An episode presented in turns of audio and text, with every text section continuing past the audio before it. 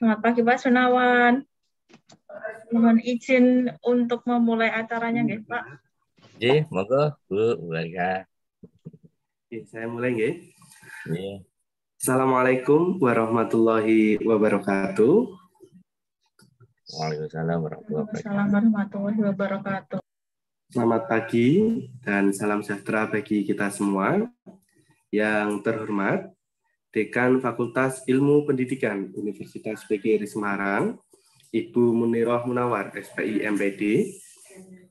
Yang kami hormati, Ketua Program Studi Bimbingan dan Konseling Fakultas Ilmu Pendidikan Universitas PGRI Semarang, Bapak Dr. Heri Saptadi Ismanto, SPD MPD Kons, yang kami hormati penanggung jawab aktivitas PKKM untuk kegiatan ngobar Ibu Siti Fitriana, SPD MPD Kons, dan yang saya hormati narasumber pada kegiatan ngobar series 2 kali ini, Bapak Sunawan PSD. Dan juga segenap peserta ngobar series 2 Laboratorium Bimbingan dan Ilmu Pendidikan Universitas PGRI Semarang yang berbahagia. Puji syukur kehadirat Tuhan Yang Maha Esa, karena berkat rahmat dan hidayahnya, kita dapat bertemu secara virtual dalam kegiatan ngobar series 2 Laboratorium Bimbingan dan Konseling Fakultas Ilmu Pendidikan Universitas PGRI Semarang dengan tema Menata Karir di Masa Pandemi. Hadirin yang kami hormati, mengawali acara pada pagi hari ini, marilah kita buka dengan bacaan Bismillahirrahmanirrahim. Selanjutnya, kita akan menyanyikan lagu kebangsaan Indonesia Raya, dilanjutkan dengan Mars Universitas PGRI Semarang.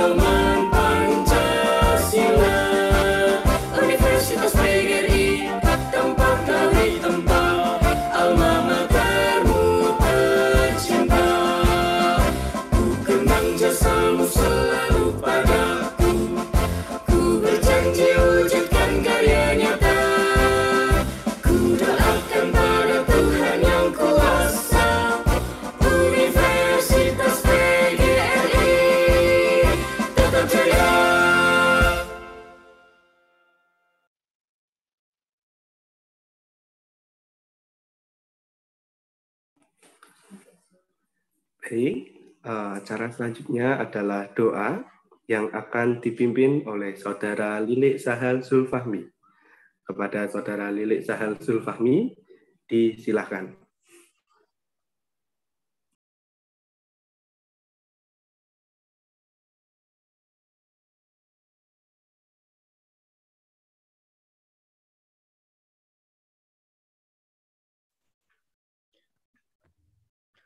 Bapak Ibu hadirin yang kami hormati, mohon izin saya memimpin doa dengan cara agama Islam.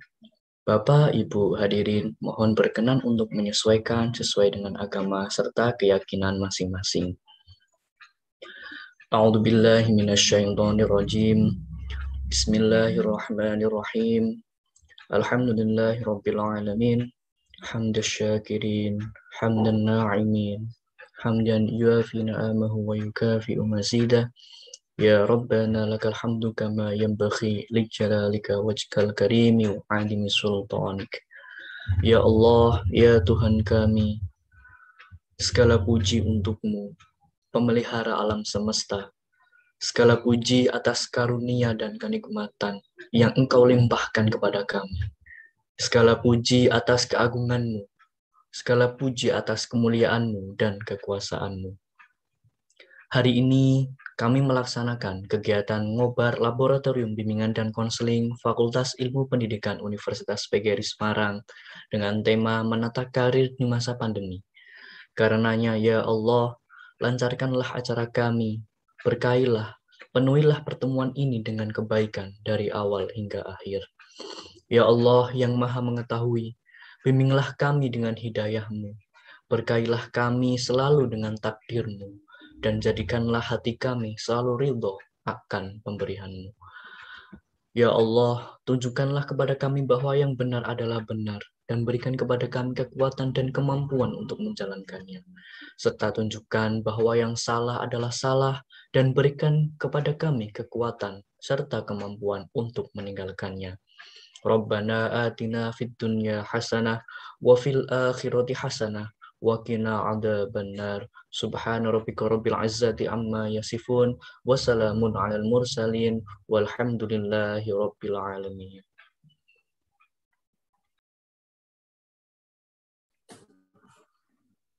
Hadirin sekalian, acara selanjutnya adalah laporan penanggung jawab aktivitas PKKM kegiatan ngobar kepada Ibu Siti Fitriana, SPD MPD Kons, disilakan.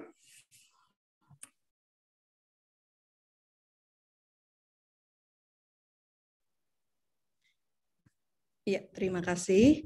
Assalamualaikum warahmatullahi wabarakatuh. Selamat pagi dan salam sejahtera untuk kita semua. Yang terhormat Bapak Sunawan PhD, selaku narasumber kegiatan ngobar series 2 eh, dalam kegiatan PKKM pada hari ini dan juga sebagai sekretaris jurusan eh, prodi bimbingan dan konseling Universitas Negeri Semarang kepada yang saya hormati Ibu Munirah Munawar MPD Dekan Fakultas Ilmu Pendidikan Universitas PGRI Semarang eh, Bapak Ibu pejabat struktural di lingkungan Prodi Bimbingan dan Konseling Universitas PGRI Semarang, Bapak Ibu dosen, para mahasiswa, alumni, dan semua peserta kegiatan ngobar yang berbahagia. Pertama-tama, marilah kita panjatkan puji syukur kehadirat Allah Subhanahu wa taala karena pada pagi hari yang cerah ini kita semuanya bisa bertemu, bertatap maya di ruang virtual Zoom meeting ini dalam kegiatan yang luar biasa setiap bulan kita eh, melakukannya. Dan alhamdulillah dalam kegiatan hari ini kita difasilitasi oleh program kompetisi kampus merdeka atau PKKM untuk menyelenggarakan kegiatan subaktivitas ngobar kita pada hari ini. Dan di kegiatan PKKM ini kita sudah eh, menyelenggarakan untuk yang kedua kalinya dengan harapan nanti mampu utamanya mengasah dan mengembangkan skill serta pemahaman atau wawasan kepada mahasiswa khususnya Prodi BK FIP Ubgris eh, serta harapannya nanti dengan adanya kegiatan ngobar dengan tema menata karir di masa pandemi ini teman-teman semuanya bisa eh, menyelenggarakan layanan BK Karir dengan baik. Ya. Dan di acara ngobar kali ini Alhamdulillah eh, narasumber kita ya Bapak Sunawan yang hadir di tengah-tengah kita nanti akan membahas, mengupas dan mengulik materi terkait dengan menata karir di masa pandemi ini. Harapannya teman-teman nanti bisa punya pemahaman, skill yang memadai dan eh, memang masa pandemi ini masih saat ini masih berlangsung ya sampai dengan sekarang ini dan kita alhamdulillah masih tetap terus diberikan kesehatan untuk bisa melaksanakan berbagai program aktivitas yang memang kita sudah rencanakan. Berikutnya bahwa kami eh, laporkan kepada Ibu Dekan Fakultas Ilmu Pendidikan bahwa kegiatan eh, ngobar ini diikuti oleh eh, 50 peserta yang sudah terdaftar. Hari ini bergabung 46 peserta. Alhamdulillah hampir 100 persen eh, semua peserta yang terdaftar eh, mengikuti kegiatan ini dengan baik. Harapannya nanti selama berkegiatan teman-teman semuanya bisa uh, mengikuti dengan baik ya. Hal-hal apa saja yang terkait dengan karir kita menghadirkan pakarnya ya, yaitu Pak Sunawan. Demikian uh, Ibu Dekan yang dapat kami laporkan. Mohon maaf jika ada hal-hal yang uh, tidak berkenan, kami akhiri. Wabillahi taufik wal hidayah. Wassalamualaikum warahmatullahi wabarakatuh. Waalaikumsalam warahmatullahi wabarakatuh. Baik, acara selanjutnya adalah sambutan Dekan Fakultas Ilmu Pendidikan Universitas PGRI Semarang, sekaligus membuka acara ngobar series 2 kali ini kepada Ibu Muniroh Munawar, SPI MPD, disilahkan.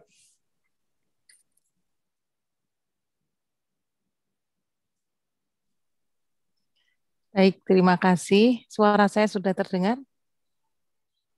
Sudah, Ibu. Baik, ya. Assalamualaikum warahmatullahi wabarakatuh. Selamat pagi, salam sejahtera untuk kita semuanya. Yang saya hormati narasumber kita yang luar biasa, Bapak Sunawan PhD, Maturnun, Bapak sudah meluangkan waktu. yang saya hormati pula para wakil dekan di lingkungan Fakultas Ilmu Pendidikan dan sekaligus Bu Ana ini sebagai PIC merangkap-rangkap jabatannya ya. Dan yang saya banggakan pula Kaprodi Bimbingan dan Konseling Bapak Dr. Heri Ismanto. Benar ya kalau saya nggak salah ya. Iya. Yang saya hormati pula Sekretaris Prodi Bapak Agus Tiawan, Bapak Ibu dosen di lingkungan program studi BK, kemudian juga tim sukses ngobar yang luar biasa, dan juga para peserta, para mahasiswa, ada alumni juga tadi disampaikan oleh Bu Ana yang saya banggakan. Pertama-tama marilah kita panjatkan puji syukur kehadirat Allah Subhanahu wa taala pada pagi hari ini kita masih diberikan kesehatan, diberikan semangat untuk terus belajar ya teman-teman ya. Dan luar biasa Allah sudah mengirimkan narasumber yang hebat di tengah-tengah kita yang akan membantu para mahasiswa kami dan alumni kami untuk terus meningkatkan eh, kualitas diri. Ya, saya sangat mengapresiasi kegiatan ngobar, ngobrol bareng ya yang diinisiasi oleh prodi BK ini yang mana ini merupakan sharing session ya untuk para mahasiswa, alumni, bagaimana saling berbagi informasi-informasi positif dalam rangka meningkatkan kualitas diri. Nah, saya juga eh, mengucapkan alhamdulillah karena Prodi BK ini lolos program PKKM, tadi sudah disampaikan Bu Ana, yang mana muaranya hampir mayoritas kegiatan itu untuk mahasiswa. Ya, karena diakreditasi kita tidak hanya fokus pada output tetapi pada outcome nantinya. Jadi alumni ini nanti mau bekerja apa ya itu harapannya memang eh, linier ya dengan profil lulusan yang sudah dicita-citakan. Nah, dengan ngobar kali ini memang topiknya sangat menarik yaitu menata karir di masa pandemi ya. Di masa pandemi ini banyak pekerjaan-pekerjaan yang hilang dan juga ada pekerjaan-pekerjaan yang tumbuh baru muncul ya. Nah, nanti dengan sharing session ini lewat ngobar Pak Sunawan mohon bisa membimbing para mahasiswa dan alumni kita untuk bagaimana caranya mencari peluang ya, mencari peluang, menciptakan lapangan pekerjaan gitu ya, ataupun men, apa ya, menangkap peluang yang ada. Nah, ini juga tidak semua orang uh, peka ya, punya sensitivitas seperti itu gitu. Nah, saya sangat mengapresiasi sekali lagi kegiatan ngobar ini oleh Bu Ana dan teman-teman karena memang mahasiswa itu harus dikawal ya, harus dikawal, harus kita saling mengingatkan. Ya, saling mengingatkan satu sama lain khususnya para mahasiswa ini kita dampingi sampai mereka tidak hanya lulus tetapi setelah lulus pun punya uh, kompetensi soft skill yang luar biasa ya di ngobar kali ini. Baik Bapak Ibu semuanya yang saya banggakan, saya tidak akan berpanjang lebar karena ini agendanya double-double tiga Pak Sunawan, mohon maaf tidak mendua tapi mentiga saya ini. uh, langsung saja teman-teman semuanya, semoga agenda pagi hari ini sukses dan semua rangkaian PKKM ini sukses begitu ya. Dengan mengucap Bismillahirrahmanirrahim kegiatan ngobar di program studi BK eh, dinyatakan siap dijalankan. Dengan sukses ya Mbak Ana ya. Bismillah ya. Terima kasih semuanya. Saya akhiri. Wabillahi taufiq wassalamualaikum warahmatullahi wabarakatuh. Terima kasih kami sampaikan. Hadirin yang kami hormati, demikianlah pembukaan Ngobar Series 2 kali ini. Saya akhiri, selamat mengikuti kegiatan Ngobar Series kedua kali ini. Wassalamualaikum warahmatullahi wabarakatuh. Selanjutnya akan kita simak bersama Ngobar Series kedua, Lab BK VIP Ugris dengan tema Menata Karir di Masa Pandemi yang akan dipandu langsung oleh Ibu Fariha Wahyu Lestari, SPD MPD, dosen bimbingan dan konseling Universitas PGRI Semarang. Kepada Ibu Fariha, disilahkan. Terima kasih Mas Iqbal. Halo, selamat pagi semuanya Bapak, Ibu, dan juga teman-teman mahasiswa maupun teman-teman alumni dari program studi bimbingan dan konseling. Senang sekali pagi hari ini kita bisa ketemu lagi di acara Ngubar ngobrol bareng uh, dengan Prodi BK. Ya, kesempatan kali ini saya patut berbangga karena saya didampingkan dengan dosen idola saya ketika S1. Juga ngenjong Pak Sunawan. Sehat selamat selalu, pagi. Pak. Ya, selamat pagi Mbak Bu. Oke.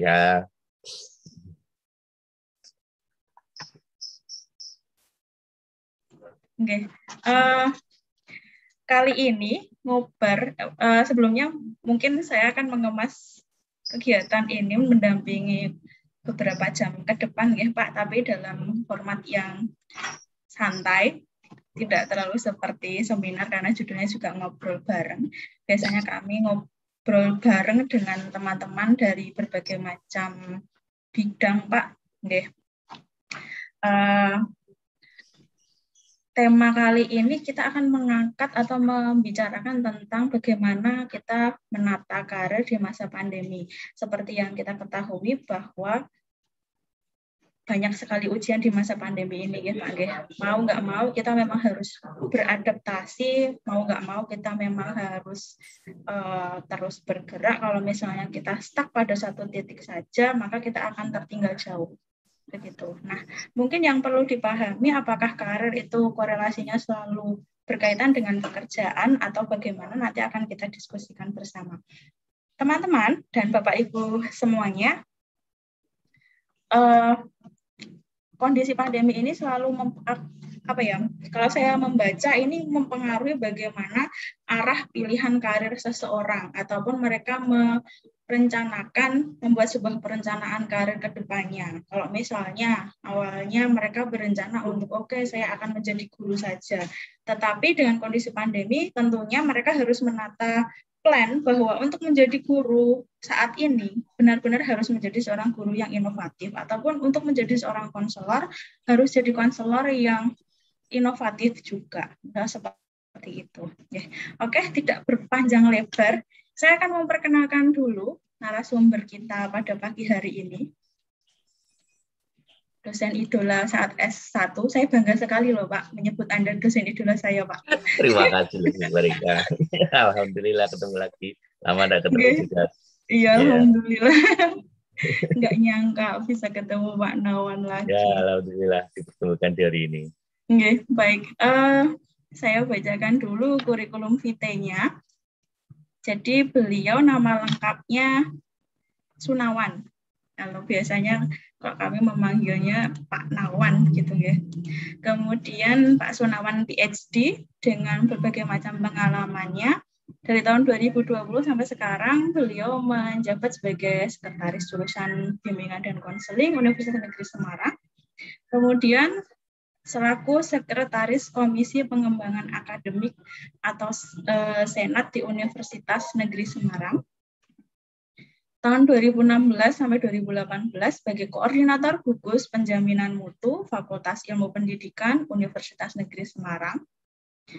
Beliau juga melaksanakan tridharma di perguruan tinggi, baik yang berkaitan dengan pendidikan, penelitian, dan pengabdian kepada masyarakat, serta membimbing Eh, berbagai macam penyusunan tugas akhir mahasiswa. Pengalaman pendidikannya, wah ini dari daerah asalnya virus corona ya Pak. Panawan menyelesaikan PhD-nya uh, eh, dari Basic Psychology di Central China Normal University Wuhan. Kemudian sebelumnya beliau menyelesaikan studi psikologinya dengan minat psikologi pendidikan di Universitas Gajah Mada Yogyakarta dan S1-nya beliau selesaikan di Universitas Negeri Malang program studi bimbingan dan konseling. Ini kalau saya bacakan banyak sekali ya Pak. Kemudian ada berbagai macam sertifikat pelatihan, eh, ada sertifikat pendidik, kemudian tersertifikasi tes bagi konselor pendidikan, sertifikasi lead auditor ISO 9001-2008, basic training REBT, training of eye tracking system, dan SPSS for research. Ya, ini ID Scopusnya juga uh, ada kemudian Orchid, Sinta ID, dan Google Scholar. Kalau misalnya teman-teman dan Bapak Ibu penasaran dengan karya Pak Nawan, mungkin bisa dikepoin di Google Scholar-nya, search saja di Google nama saya tadi juga sebenarnya sudah kepo sebentar Pak. Saya search di Google-nya Sunawan PhD langsung muncul berbagai macam karyanya dan memang beliau ini menekuni berbagai macam karya tulisnya di bidang karir juga. Gitu ya Pak Nawan ya. Ya, baik tidak berlama-lama monggo Pak Nawan eh, kami persilahkan untuk bisa sharing dengan eh, adik-adik dan juga Bapak Ibu dosen serta teman-teman yang lain. Ya, terima, terima kasih Bu Maria. Ya, terima kasih Bu Maria atas waktunya. Assalamualaikum warahmatullahi wabarakatuh. Yang saya hormati Ibu Dekan, Ibu Minurah MPD, Eh, ketua jurusan bimbingan dan konseling atau kaprodi bimbingan dan konseling, saya prodi bimbingan konseling, eh, Bapak Ibu dosen di prodi bimbingan dan konseling, panitia kegiatan ngobar kali ini dan seluruh peserta kegiatan ngobar yang saya hormati.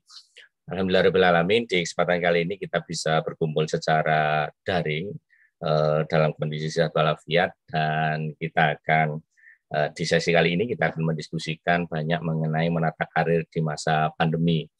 Jadi memang apa itu namanya kondisi karir di masa pandemi saat ini adalah masa di mana ini tidak pernah dibayangkan sebelumnya.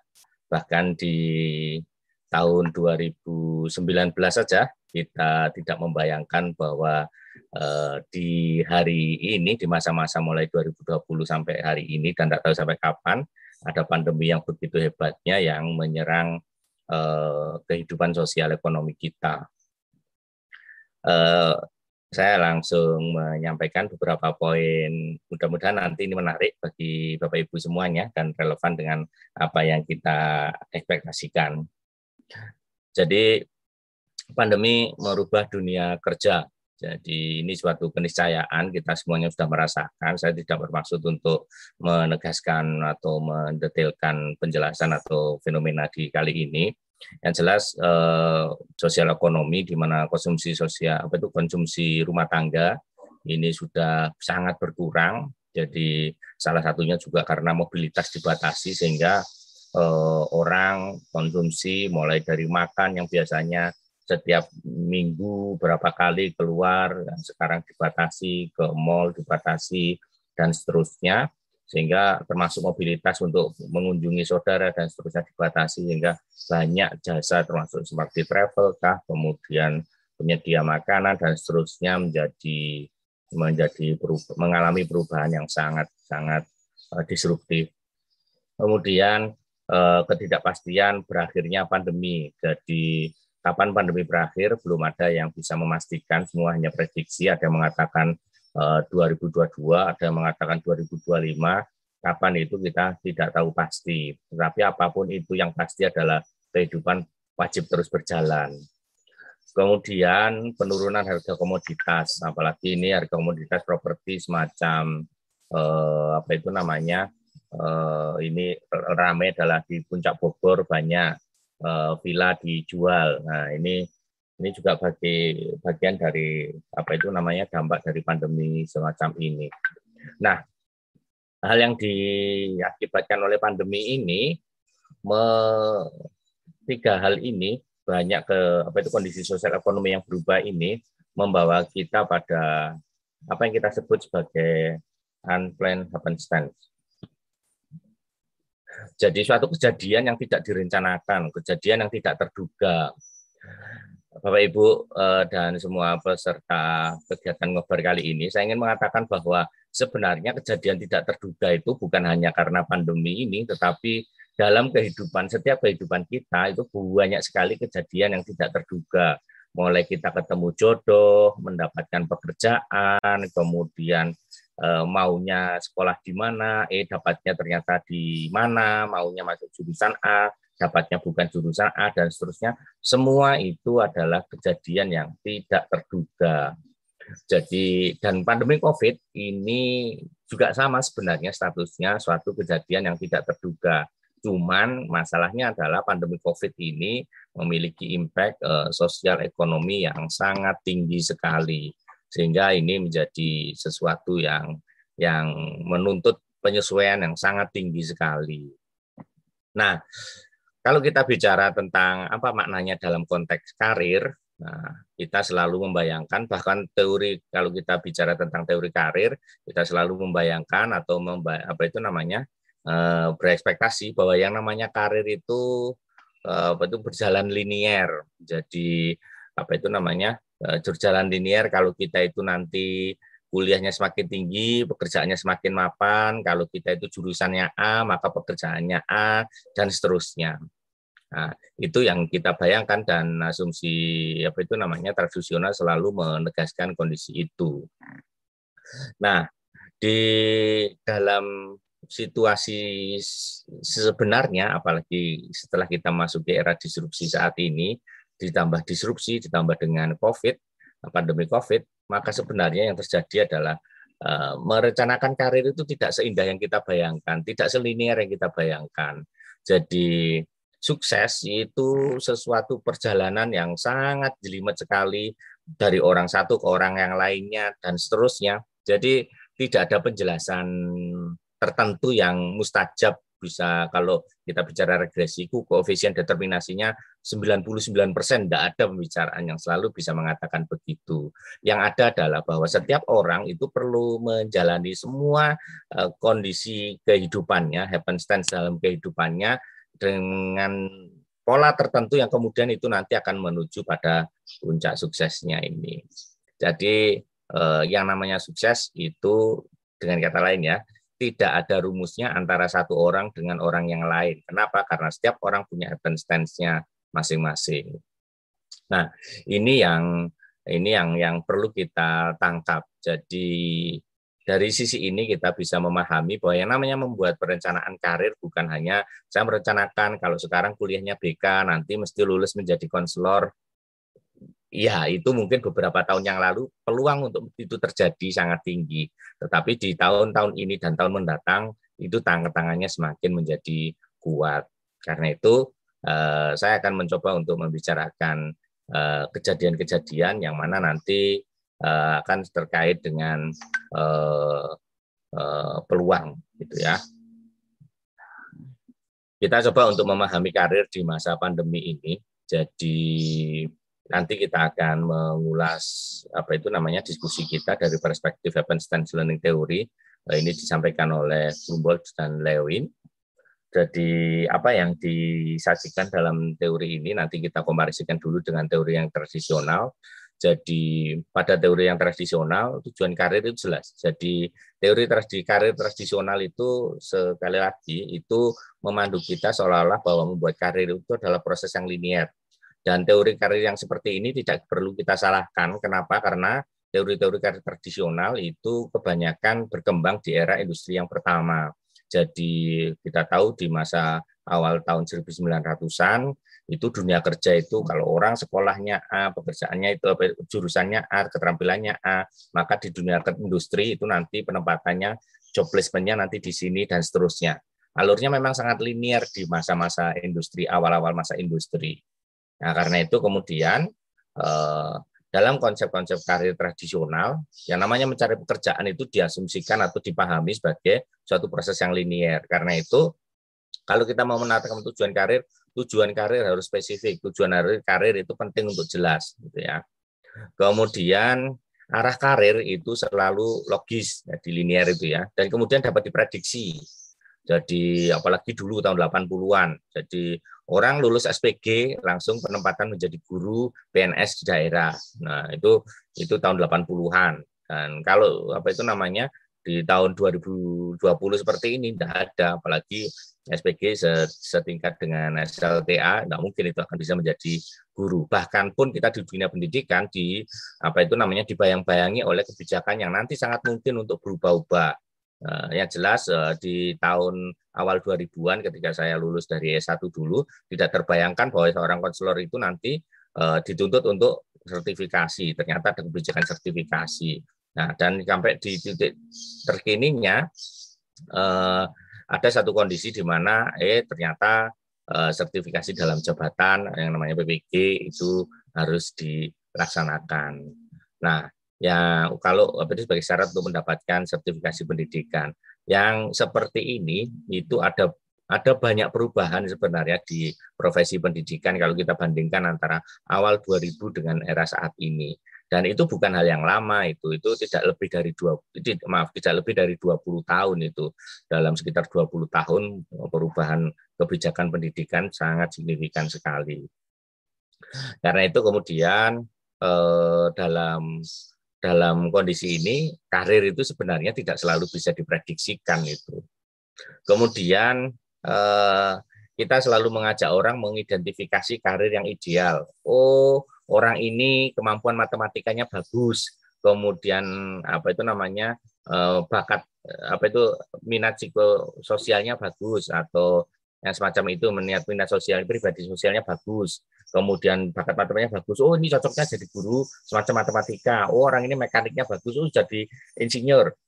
Oh, dulu arahnya seperti itu. Oh orang ini apa itu namanya realistis. Karena itu dia cocok untuk pekerjaan dan yang apa itu terkait dengan realistis misalnya. Nah yang seperti ini ini eh, di masa teori karir tradisional sangat sangat apa itu ditekankan sekali. Sementara di era saat ini mungkin tidak selalu itu apa itu relevan. Yang berikutnya adalah keselarasan antara keterampilan dengan karir. Jadi kita mencocokkan karakteristik pribadi dengan karir, keterampilan dengan karir. Karena itu kalau kita belajar tahapan membuat keputusan karir, kenali diri sendiri, kenali keterampilan kita, kompetensi kita, pendukungnya dan seterusnya, baru nanti memilih ya, pekerjaan di dunia karir yang cocok yang mana. Kemudian kita identifikasi kamus jabatan atau klasifikasi jabatan. Nah, itu kemudian oh dengan keterampilan dengan potensi seperti ini saya cocoknya di sini. Sekarang itu tidak selalu akan bisa kita melakukan hal semacam itu. Eh, kemudian yang berikutnya adalah pilihan spesifik. Jadi kalau buat pilihan karir itu, oke okay, nanti profesinya ingin menjadi konselor atau menjadi dosen misalnya, itu ya sudah langsung itu e, diburu sedemikian rupa. Padahal sebenarnya di era saat ini itu itu tidak mudah kalau kemudian kita terlalu membuat keputusan karir yang sangat spesifik, apalagi di masa pandemi. Kita tahu yang namanya wisudanya saja online, penerimaan Eh, tenaga kerja juga online dan di masa pandemi ini karena konsumsi menurun maka kebutuhan tenaga kerja juga eh, ada sedikit banyak penurunan. Yang semacam ini kalau kemudian kita hanya mendasarkan pada pilihan yang sangat spesifik, saya ingin menjadi guru, saya ingin menjadi dosen misalnya begitu, padahal eh, apa itu namanya di dunia pendidikan sendiri penyelenggaraan pendidikan sudah ritmenya berbeda sekali dengan sebelum pandemi dan kondisi ini menjadi tantangan bagi teman-teman atau menjadi sesuatu yang tidak mudah eh, bagi teman-teman yang lulus di masa-masa pandemi ini.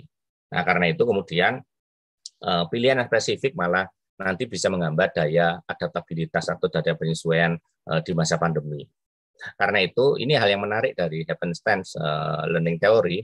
Jadi di masa pandemi ini adalah kadang-kadang kita tidak harus selalu punya keputusan kok kadang-kadang kita harus bingung. Nah, menariknya apa? Bingungan ini nanti akan membuat rasa ingin tahu kita muncul. Penasaran kita itu muncul. Sehingga kita punya banyak alternatif yang bisa kita manfaatkan. Jadi kalau punya keputusan atau punya pilihan, jangan terlalu spesifik, apalagi di masa pandemi. Nah, kadang-kadang kita bingung, kemudian tanya-tanya ke banyak orang. Dengan pertanyaan itu, kita bisa memunculkan atau menggugah rasa ingin tahu kita, sehingga kita mencoba-coba untuk uh, pekerjaan yang selama ini kita tidak pikirkan. Nah ini yang yang me, apa itu kadang-kadang uh, apa itu keputusan yang tidak terlalu spesifik itu juga membantu kita untuk ini akan bermanfaat sekali lagi ketika itu membawa kita pada penguatan rasa ingin tahu kita. Tetapi kalau kita tidak uh, apa itu indecision tapi itu didasari atas acuh tak acuan kita terhadap uh, peluang ya ya sama aja itu ya. Jadi indecision kadang-kadang tidak masalah ketika itu mendukung kita untuk memperkuat rasa ingin tahu akan sesuatu peluang yang yang yang ada di masa pandemi semacam ini. Kemudian kita penting untuk berdamai dengan ketidakpastian. Pandemi tidak bisa disalahkan karena itu akan terjadi kalaupun sama antara ini ada diskusi tentang pemerintah harusnya begini, oh harusnya om apa itu namanya orang-orang yang kurang beruntung mendapatkan bantuan sosial sebagian rupa sehingga mereka bisa menjalani kehidupannya. Oke, itu diskusi tentang sistem. Tetapi kalau kita bicara tentang karir, sering kali kita tidak cukup hanya mengharapkan dari sistem, tapi kita harus uh, bicara atau berpikir dalam perspektif kedirian kita atau self kita atau uh, kita sebagai individu. Nah, uh, yang menempatkan diri dalam ranah sosial. Karena itu kemudian Eh, dalam masa pandemi ini kita perlu untuk berdamai, kita perlu bisa untuk menerima apa adanya pandemi ini bahwa pandemi ini memang masa yang tidak mudah, baik apa itu namanya terutama dalam konteks karir. Karena itu berdamai ini harapannya nanti menimbulkan rasa penerimaan atau eh, apa itu namanya acceptance dan dengan acceptance ini nanti kita kemudian eh, mau untuk membangkitkan diri kita jadi semacam motivasi atau resiliensi kita untuk mencari apa yang kemudian penting untuk bisa dimanfaatkan. Kemudian yang berikutnya adalah terbuka terhadap peluang yang ada. Jadi terbuka ini sekali lagi hanya bisa ter apa yang terjadi kalau kita itu berhasil berdamai dengan ini. Selama atau sepanjang kita selalu resisten, menolak pandemi, menyalahkan pandemi, semua yang bertanggung jawab terhadap eh, tanda petik kegagalan kah, tanda petik kurang beruntungan kita dan seterusnya, ketidaksuksesan kita dan seterusnya adalah pandemi, maka kita tidak mungkin akan terbuka dengan peluang. Maka sekali lagi kita perlu berdamai dengan pandemi ini. Dengan berdamainya ini memunculkan motivasi yang membuat kita menjadi eh, pada saat yang sama terbuka dengan peluang yang ada. Apa salahnya seorang lulusan uh, bimbingan dan konseling bekerja di luar prodi bimbingan dan konseling? Bahkan di kurikulum Merdeka saat ini pun uh, apa itu namanya tidak ada tuntutan bahwa lulusan itu harus bekerja sesuai dengan bidangnya. Melakukan wirausaha ternyata saat ini juga menjadi bagian dari IKU di di di kebijakan Merdeka Belajar. Karena itu Eh, mendorong eh, teman-teman apa gini kalau yang apa itu namanya teman-teman mahasiswa yang datang di kesempatan kali ini eh, kita perlu memahami menerima ketidakpastian dalam pandemi ini dan kemudian terbukalah dengan apa pun yang bisa kita lakukan. Nah, yang berikutnya jadi kalau tadi kita memiliki indecision adalah arahnya ingin tahu, memang bahwa rasa ingin tahu ini menjadi sangat penting untuk dibangun jadi yang namanya keputusan karir itu bukan hanya uh, hasil dari bagaimana kita menyelaraskan antara potensi yang kita miliki, pemahaman diri yang kita miliki dengan ruang dunia kerja yang ada, tetapi yang paling penting adalah bagaimana kita menggunakan segenap potensi yang, yang kita miliki ini untuk mengeksplorasi lebih lanjut peluang-peluang yang ada. Jadi di masa pandemi semacam ini rasa ingin tahu menjadi sangat penting sekali. Misalnya begini maksud saya, ketika teman-teman misalnya tidak ber, tidak berkecimpung dalam dunia wirausaha, padahal sebenarnya saat ini yang paling banyak memberikan peluang adalah wirausaha, maka apalagi misalnya karena BK, saya kan orang BK bukan pelajari wirausaha. Kalau sudah seperti itu, maka eh, menjadi tidak tidak bermanfaat karena tidak membawa pada kita pada rasa ingin tahu.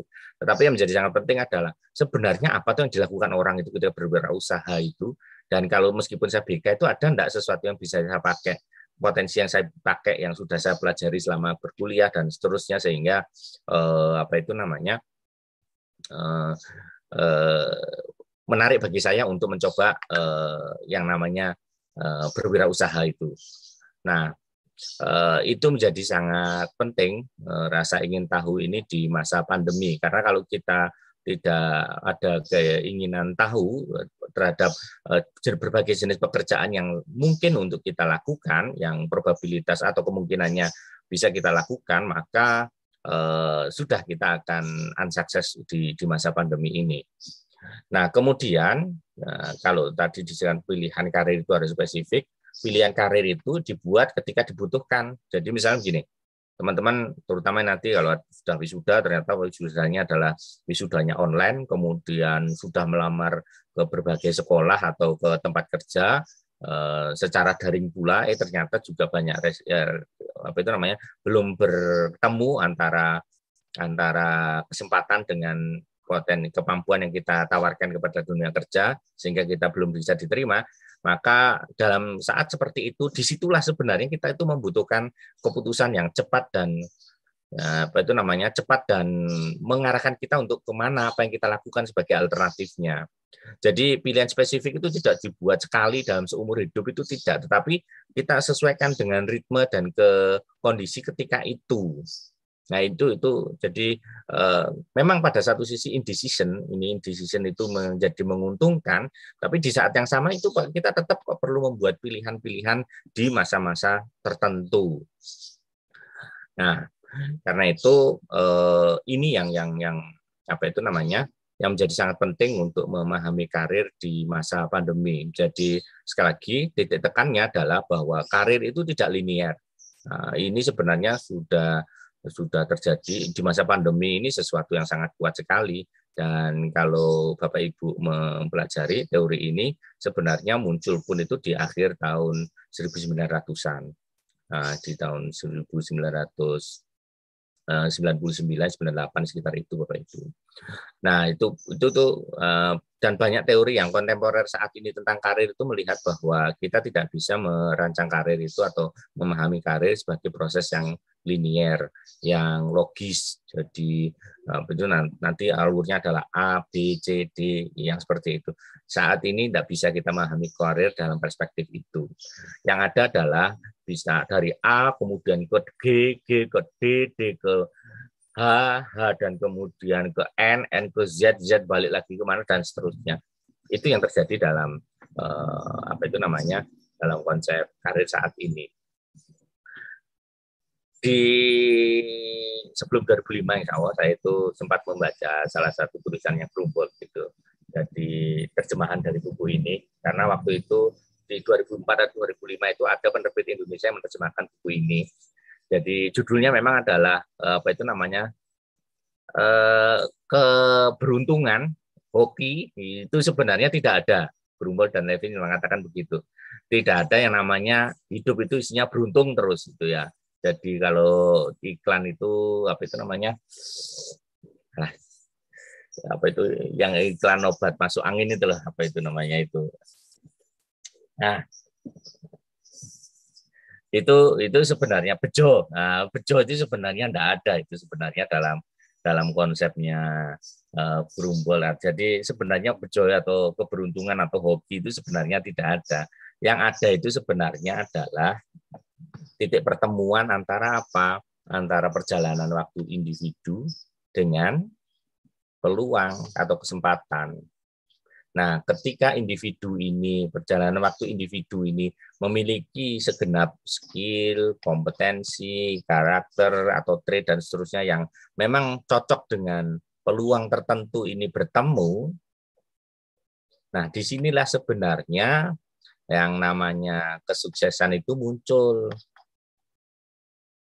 Dan kemunculan titik temu ini, ini sebenarnya bukan sesuatu yang yang aksiden, sesuatu yang kecelakaan atau sesuatu yang bersifat random itu sebenarnya bukan itu ya.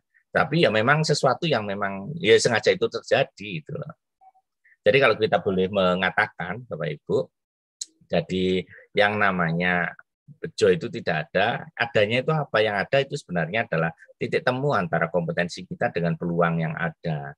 Nah, di masa pandemi ini, Bapak Ibu dan eh, teman-teman uh, mahasiswa, di masa pandemi inilah sebenarnya kita itu sangat penting untuk diuji bagaimana kita bisa menemukan uh, kompetensi yang kita miliki, karakter yang kita miliki dengan peluang yang ada.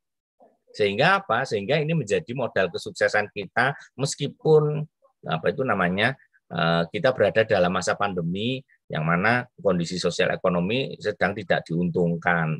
Meskipun eh, di kuartal ketiga ekonomi kita naik 7 persen, tetapi secara mikro kondisi kehidupan di masyarakat masih banyak yang berat. Nah karena itu tantangannya kita secara secara setiap waktu kita berusaha untuk berpikir kalau ini tidak pas kira-kira yang mana peluang yang ini tidak pas kita mampunya di mana nah ini yang selalu kita pikirkan Bapak Ibu karena itu sekali lagi yang namanya kesuksesan itu bukan accident. Eh, apa itu namanya? keterampilan, nama eh, keberuntungan atau hoki itu bukan sesuatu yang yang yang bisa muncul itu ya, tetapi sesuatu yang eh, perlu untuk kita eh, persiapkan pertemuannya ini. Karena itu kalau kita melihat gambar ini bisa jadi kita akan berada di posisi yang berbeda yaitu apa? Kita punya apa itu namanya secara individu kita punya punya kompetensi atau punya skill atau keterampilan dan seterusnya, tetapi peluangnya tidak bertemu. Nah, kalau seperti itu, ya kita belum bisa mengaktualkan potensi kita. Atau kita di depan kita itu ada banyak peluang yang muncul, tetapi kompetensi mindset kita, belief kita tidak mendukung untuk menangkap potensi itu. Itu pun juga tidak menjadi eh, bahan kesuksesan kita. Karena itu ya, sebagai individu kita perlu mempersiapkan dua-duanya. Kita menyiapkan untuk mampu membaca peluang di saat yang sama, di saat sama kita juga menyiapkan untuk modal menangkap peluang. Dua hal ini menjadi sangat penting untuk difikirkan kalau kita ingin mempersiapkan karir di masa pandemi. Uh, ini gambarnya agak ribet ya, tapi saya berusaha untuk menyampaikan dalam bahasa yang sederhana karena ini sebenarnya konsepnya tidak terlalu sulit, Bapak Ibu. Jadi kalau kita itu melihat suatu peluang atau kesempatan, nah kesempatan ini sebenarnya ada dua hal yang sekali lagi berkaitan dengan tadi ada dua titik temu sebenarnya. Jadi yang pertama adalah peluang itu sendiri yang bisa kita temukan itu berasal dari luar kita dan kemudian kita punya kemampuan untuk mengenali peluang itu dan memanfaatkan. Jadi jadi ini adalah mengenali peluang. Di sini adalah mampu untuk ini menangkap peluang. Nah, kalau kita punya dua modal ini, maka kita bisa menemukan titik di sini loh Bapak Ibu. Nah, karena itu menjadi sangat penting bagaimana eh, kita bisa mempertemukan ini, nah, maka kita perlu untuk memiliki dua hal ini. Jadi mampu untuk mengenali peluang dan mampu untuk menangkap peluang. Kita coba tengok untuk mengenali peluang dulu Bapak Ibu. Untuk bisa menangkap peluang, apa karakter apa yang perlu kita miliki? maka kita perlu memiliki ini bagian dari diri kita. Ini bagian dari belief kita atau sistem persepsi kita. Apa itu yang yang pertama adalah kita memiliki curiosity atau rasa ingin tahu. Jadi kalau kita tidak pernah penasaran dengan sesuatu hal, ya kita akan selalu melewatkan peluang yang ada di masyarakat. Itu yang pertama. Kemudian yang kedua adalah kita memiliki kegigihan. Jadi yang namanya peluang itu selalu ada, tetapi menangkap sekali gagal, menangkap sekali gagal, menangkap sekali gagal, baru berkali-kali mungkin biru bisa ketangkep itu yang namanya peluang. Ini jadi eh, karena itu banyak kita mengatakan bahwa tidak mungkin sekali usaha langsung sukses. Jadi sukses itu butuh berkali-kali usaha. Karena ini, ini menegaskan bahwa memang kita untuk bisa menangkap peluang dan mengenali peluang, kita butuh persistensi, kita butuh kegigihan di situ. Yang berikutnya adalah fleksibilitas. Kita sangat memerlukan eh, diri kita itu fleksibel. Kita itu orang yang luas, kita orang yang eh, terbuka dengan berbagai hal. Kalau memang konselor belum memberikan peluang yang bagus, ya sudah lakukan yang lain. Loh, saya kan jasanya BK kalau kita masih berpikir seperti itu, berarti kita bukan orang yang fleksibel. Yang penting adalah karena kalau kita fleksibel kita berpikir, yang penting saya segera bisa mendapatkan kemandirian finansial, melakukan karir seoptimal mungkin dan me, melakukan sesuatu kehidupan yang membuat saya bahagia dan apa yang saya lakukan itu bermanfaat bagi orang lain. Nah, kalau orientasinya di situ kita menjadi lebih terbuka. Dan kalau kita lebih terbuka, maka fleksibilitas ini akan muncul. Jadi kalau kita selalu menekankan iya pekerjaan ini tidak cocok dengan ijazah saya, ini tidak cocok dengan apa yang saya inginkan, ini tidak cocok ya sudah, ya lebih seperti itu, akhirnya banyak peluang akan hilang. Dan yang berikutnya adalah kita punya optimisme. Jadi kita yakin bahwa uh, ada harapan, ya, kata kunci optimisme. Uh, Bapak Ibu uh, dan teman-teman mahasiswa, harapan ini mungkin kita melihat kata-kata yang sangat sederhana ya, tetapi hal yang sangat menakutkan adalah dalam kehidupan ini sebenarnya adalah ketika orang itu kehilangan harapan. Itu sesuatu yang sangat menakutkan. Kenapa? Karena ketika orang itu merasa dia tidak punya harapan, maka orang itu akan helpless dan dia mungkin tidak akan punya daya untuk melakukan sesuatu karena dia membayangkan bahwa eh, apa itu namanya apa pun yang dia lakukan tidak memberikan makna tertentu. Ini pentingnya harapan. Karena itu optimisme itu menjadi sangat penting untuk dibangun. Bahkan di masa pandemi ini setiap orang penting untuk bisa optimis. Kenapa kita tidak optimis wong? Jangankan kita manusia semut aja diberi rezeki masa kita aja yang manusia punya pikiran punya tenaga punya otot eh, bermanfaat bagi orang lain aja tidak bisa. Semut aja bisa bermanfaat masa kita dengan segenap kompleksitas diri kita tidak bisa. Maka penting untuk kita selalu menanamkan harapan di masa pandemi ini sebagai modal untuk membangun motivasi atau mama maksud saya adalah membangun optimisme. Nah, keempat ini, keempat komponen ini menjadi sangat penting bagi kita untuk bisa menangkap peluang yang ada. Jadi kita akan menjadi sensitif dengan peluang ataukah tidak, coba cek dulu. Makanya kalau kita apa itu namanya eh, teman-teman ini secara sedikit teorinya Eh, di konsepnya Krumboldt ini ada instrumen yang untuk mengukur unplanned happenstance. Jadi unplanned happenstance scale atau planned happenstance scale nanti isinya adalah keempat ke konsep ini atau uh, keempat aspek ini yang diukur. Nah, jadi kalau kita itu ingin uh, sensitif mengenali peluang, maka keempat hal ini perlu kita bangun dalam diri kita. Sekali lagi saya ingin tegaskan, mulai dari rasa ingin tahu, kemudian kegigihan, fleksibel, kemudian optimis. Ini adalah eh, apa itu namanya sesuatu yang mutlak diperlukan dan eh, tidak bisa hanya salah satunya saja. Kita rasa ingin tahunya sedikit tapi persistensinya rendah ya mencoba sekali langsung balik kanan. Termasuk pun juga sama, kita itu curiosity-nya tinggi tapi penuh dengan pesimisme, ah ini tidak mungkin lah bisa kita lakukan, ah ini tidak mungkin lah bisa kita lakukan. Selalu kita akan mengatakan begitu dan seterusnya. Karena itu kesemuanya ini perlu kita bangun dalam diri kita.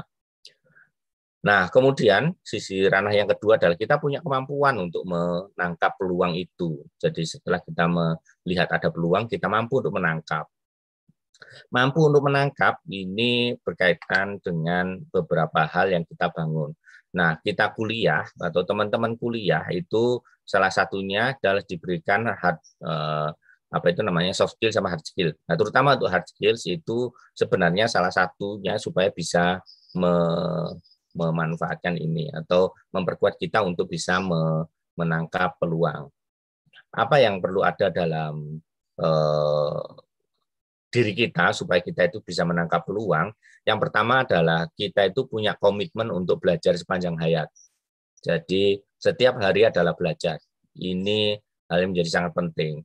Jadi apalagi ini terutama teman-teman mahasiswa selalu pertanyakan ya kalau masa kuliah sudah berapa lembar uh, e-book yang sudah dibaca, sudah berapa lembar artikel yang dibaca, dan seterusnya. Apakah itu nanti terkait dengan bidang studi kah, atau jurusan, di luar program studi atau jurusan, nah, itu semuanya uh, menjadi tantangan itu ya. Jadi kalau kita uh, apa itu namanya ya, dalam keseharian kita waktu lewat begitu saja tanpa menambah skill dan kompetensi, Nah, ini ini memperlemah kemampuan kita untuk menangkap peluang. Jadi kalau meskipun kita orang BK kemudian mencoba untuk berwirausaha, itu sangat mungkin untuk terjadi kalau kita itu punya komitmen untuk eh, selalu belajar wirausaha itu bisa dipelajari. Hampir semua hal dalam kehidupan ini ada penjelasannya. Karena itu kita bisa mempelajarinya. Kemudian yang berikutnya adalah kita melakukan self assessment. Ini sangat penting untuk mengenali diri sendiri, siapa atau kita, apa itu namanya? Untuk apa atau kita? Kita itu maunya apa atau karir kalau karir itu apa tuh yang kita inginkan? Apa tuh hal bermakna dalam kehidupan kita? Sampai tentang apa kelebihan kita apa kekurangan kita apa uh, dari sisi uh, misalnya inteligensi bakat dan seterusnya. Jadi kita selalu me, merefleksikan diri sendiri menilai diri sendiri sebenarnya uh, posisi potensi diri saya seperti apa.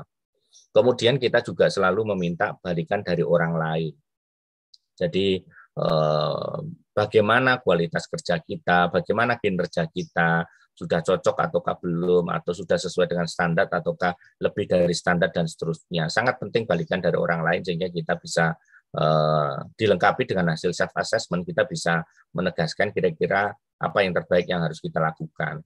Memang feedback ini tidak diuntuk, diperuntukkan kita sama dengan orang lain karena memang tidak boleh kita Eh, sama dengan orang lain. Karena kenapa tidak boleh? Karena gini teman-teman. Jadi apa tuh sukses kunci dari sukses karir itu? Kita itu akan bisa sukses karir ketika apa? Ketika kita itu bisa melakukan hal yang berbeda dengan orang lain. Yang namanya peluang itu selalu meminta kita itu melakukan hal yang berbeda. Misalnya begini, semua orang itu pada jualan cilok. Nah, kalau kita mencoba jual cilok dengan cilok yang sama, orang mungkin tidak akan tertarik apalagi kita pendatang baru atau newcomer belum punya branded misalnya. Nah, ya orang tidak akan tertarik melihat cilok kita. Tetapi kalau kita itu menyajikan cilok dengan sesuatu yang uh, ada sisi diversifikasinya, sesuatu yang ada pembedanya, ada pencirinya, mulai dari bagaimana penyajiannya, apakah kita sebagai penjual mau pakai pakaian ondel-ondel kah atau apalah, sehingga itu menarik sesuatu hal ataukah cita rasanya kita bangun ataukah yang lainnya. Nah, kalau kita bisa melakukan sesuatu yang berbeda dalam dunia kerja, maka di situlah sebenarnya eh, keberhasilan karir itu dibangun. Jadi intinya sebenarnya kita itu bisa berhasil karir kalau apa? Kalau kita itu bisa melakukan hal yang eh, tidak bisa dilakukan oleh kebanyakan orang. Karena kalau itu yang kita lakukan, maka sebenarnya kita berkontribusi dengan cara yang unik. Nah, itulah yang ditunggu orang itu loh. Tapi kalau kita itu apa itu namanya selalu mencari pekerjaan yang sama seperti yang dilakukan orang lain, Nah, itu mesti susah banyak saingannya. Misalnya begini, saya tidak bermaksud untuk apa itu namanya me, me, mendelegitimasi atau menilai negatif eh, pekerjaan tertentu, tetapi misalnya ya, tadilah contohnya jualan cilok. Kita semuanya menyajikan cilok dengan versi porsi yang sama. Itu tidak akan memberikan hal yang menarik tidak memberikan uh, sisi lain ya.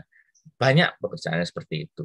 Karena itu mahasiswa terutama mahasiswa jangan pernah berpikir untuk kuliah itu dengan standar yang sama oh teman-teman saya belajarnya seperti ini sudah dapat nilai A ya sudah saya ngapain saya rajin-rajin belajar oh teman-teman ini aja tidak ada yang berusaha membangun skill tertentu di bidang yang menjadi alternatif, ngapain saya repot-repot? Kalau kita selalu berorientasinya sama seperti orang lain, maka kita tidak akan melakukan, tidak mampu melakukan diversifikasi. Nah, dengan seperti itu ya kita tidak bisa mencapai keunggulan karir. Nah, di sini saya ingin mengatakan bahwa ini bedanya berkarir sama belajar. Jadi kalau belajar apalagi di sekolah itu ada ranking. Yang terhebat itu nanti ranking satu, yang inteligensinya di bawah atau kemampuan belajarnya agak di bawah, rankingnya di bawah. Nah, kalau di anu memang seperti itu, tapi dalam dunia karir ini bukan tentang hebat-hebatan. Ini tentang siapa yang bisa melakukan apa. Bisa jadi orang yang inteligensinya bagus tidak terlalu sukses karirnya karena tidak terlalu bisa melakukan banyak hal sementara kita dengan apa itu kemampuan yang ada bisa melakukan yang tidak banyak bisa dilakukan orang lain itu malah banyak dihargai oleh orang. Nah, karena itu menyelaraskan antara feedback dengan eh, self assessment ini menjadi sangat penting untuk kemudian kita memutuskan saya akan berada di sisi mana sehingga saya akan ada atau akan muncul pembedanya di hadapan orang lain. Nah, kalau kita membicara pembeda inilah kemudian nanti kalau ketemu orang-orang yang berkaitan dengan motivasi atau apa nanti ada konsep tentang eh, self branding dan seterusnya. Karena itu menjadi sangat penting untuk kita menetapkan saya posisinya di mana. Nah, dan posisi ini menjadi sangat penting dipikirkan sejak mahasiswa. Nah, Merdeka Belajar mendorong kita untuk dengan berbagai aktivitasnya sebenarnya bagi teman-teman mahasiswa termasuk saya yakin eh, Bapak Ibu tim BKKM di eh, Prodi BK ini juga sebenarnya semua kegiatannya itu didorong untuk mengajak mahasiswa eh, mengin, itu, mendapatkan inspirasi kira-kira apa atau sebenarnya eh, atau posisi saya itu harusnya di mana atau sehingga saya lulus itu segera mencapai kemandirian finansial, segera mencapai kesuksesan karir itu yang dimaui. Jadi termasuk pun kita ketemu saat ini itu bukan hanya sekedar untuk karena menggugurkan wajib, terus ada eh, tugas dari dikti, kemudian setelah itu selesai, Nah, kalau teman-teman terutama mahasiswa berpikirnya seperti itu sangat sayang sekali. Karena itu eh, harapan saya adalah ketika selesai dari sini dari diskusi kita, maka kita berpikir apa hal yang pembeda yang perlu saya bangun. Dan semuanya dibangun tentunya dengan proses belajar. Nah, berikutnya kita membangun jejaring. Jadi jejaring ini tidak harus jejaring sosial yang apa itu namanya nyata, tetapi juga jejaring yang virtual. Makanya teman-teman hati-hati untuk mengisi media sosial teman-teman. Jadi silakan diisi dengan uh, hal yang pas sesuai dengan apa yang teman-teman mau terutama dalam konteks karir sehingga di media sosial teman-teman dikenali sebagai orang yang uh, punya prospek hal tertentu. Nah, dengan seperti itu nanti uh, apa itu namanya jaringan kita akan menjadi berkembang. Jadi uh, uh, aktif dalam LinkedIn, sampai ke Facebook itu semua isilah uh, dengan dengan hal-hal yang yang yang memang itu memberikan apa itu oh, membuat orang itu mengenali uh potensi kita itu di ranah apa sehingga uh, apa itu namanya uh, orang bisa menentukan ke kita untuk membangun jaringan atau tidak. Yang berikutnya kalau kita bicara menangkap karir, kita juga perlu mempertimbangkan ini work-life balance. Jadi keseimbangan antara bekerja dengan kehidupan sehari-hari. Kita perlu ingat eh, bahwa kehidupan kita itu bukan hanya bekerja saja, tetapi juga ada yang namanya ngurusi keluarga, ngurusi tetangga, kita juga perlu rekreasi, kita perlu menyalurkan hobi, dan seterusnya. Maka dalam hal ini work-life balance itu menjadi sangat penting. Jadi eh, apa itu namanya eh, eh, kita apa itu namanya pada satu sisi misalnya terutama ini misalnya contohnya yang yang ibu ya atau yang cewek ya. Jadi misalnya eh sudah merintis karir di bidang A, eh tapi setelah menikah eh ternyata harus pindah tempat dan merintis ulang lagi. Nah, yang seperti itu itu itu bagian dari apa itu uh, uh, stance Dan kalau kita melakukan seperti itu, hal yang menjadi sangat penting salah satu yang dipertimbangkan adalah work life balance.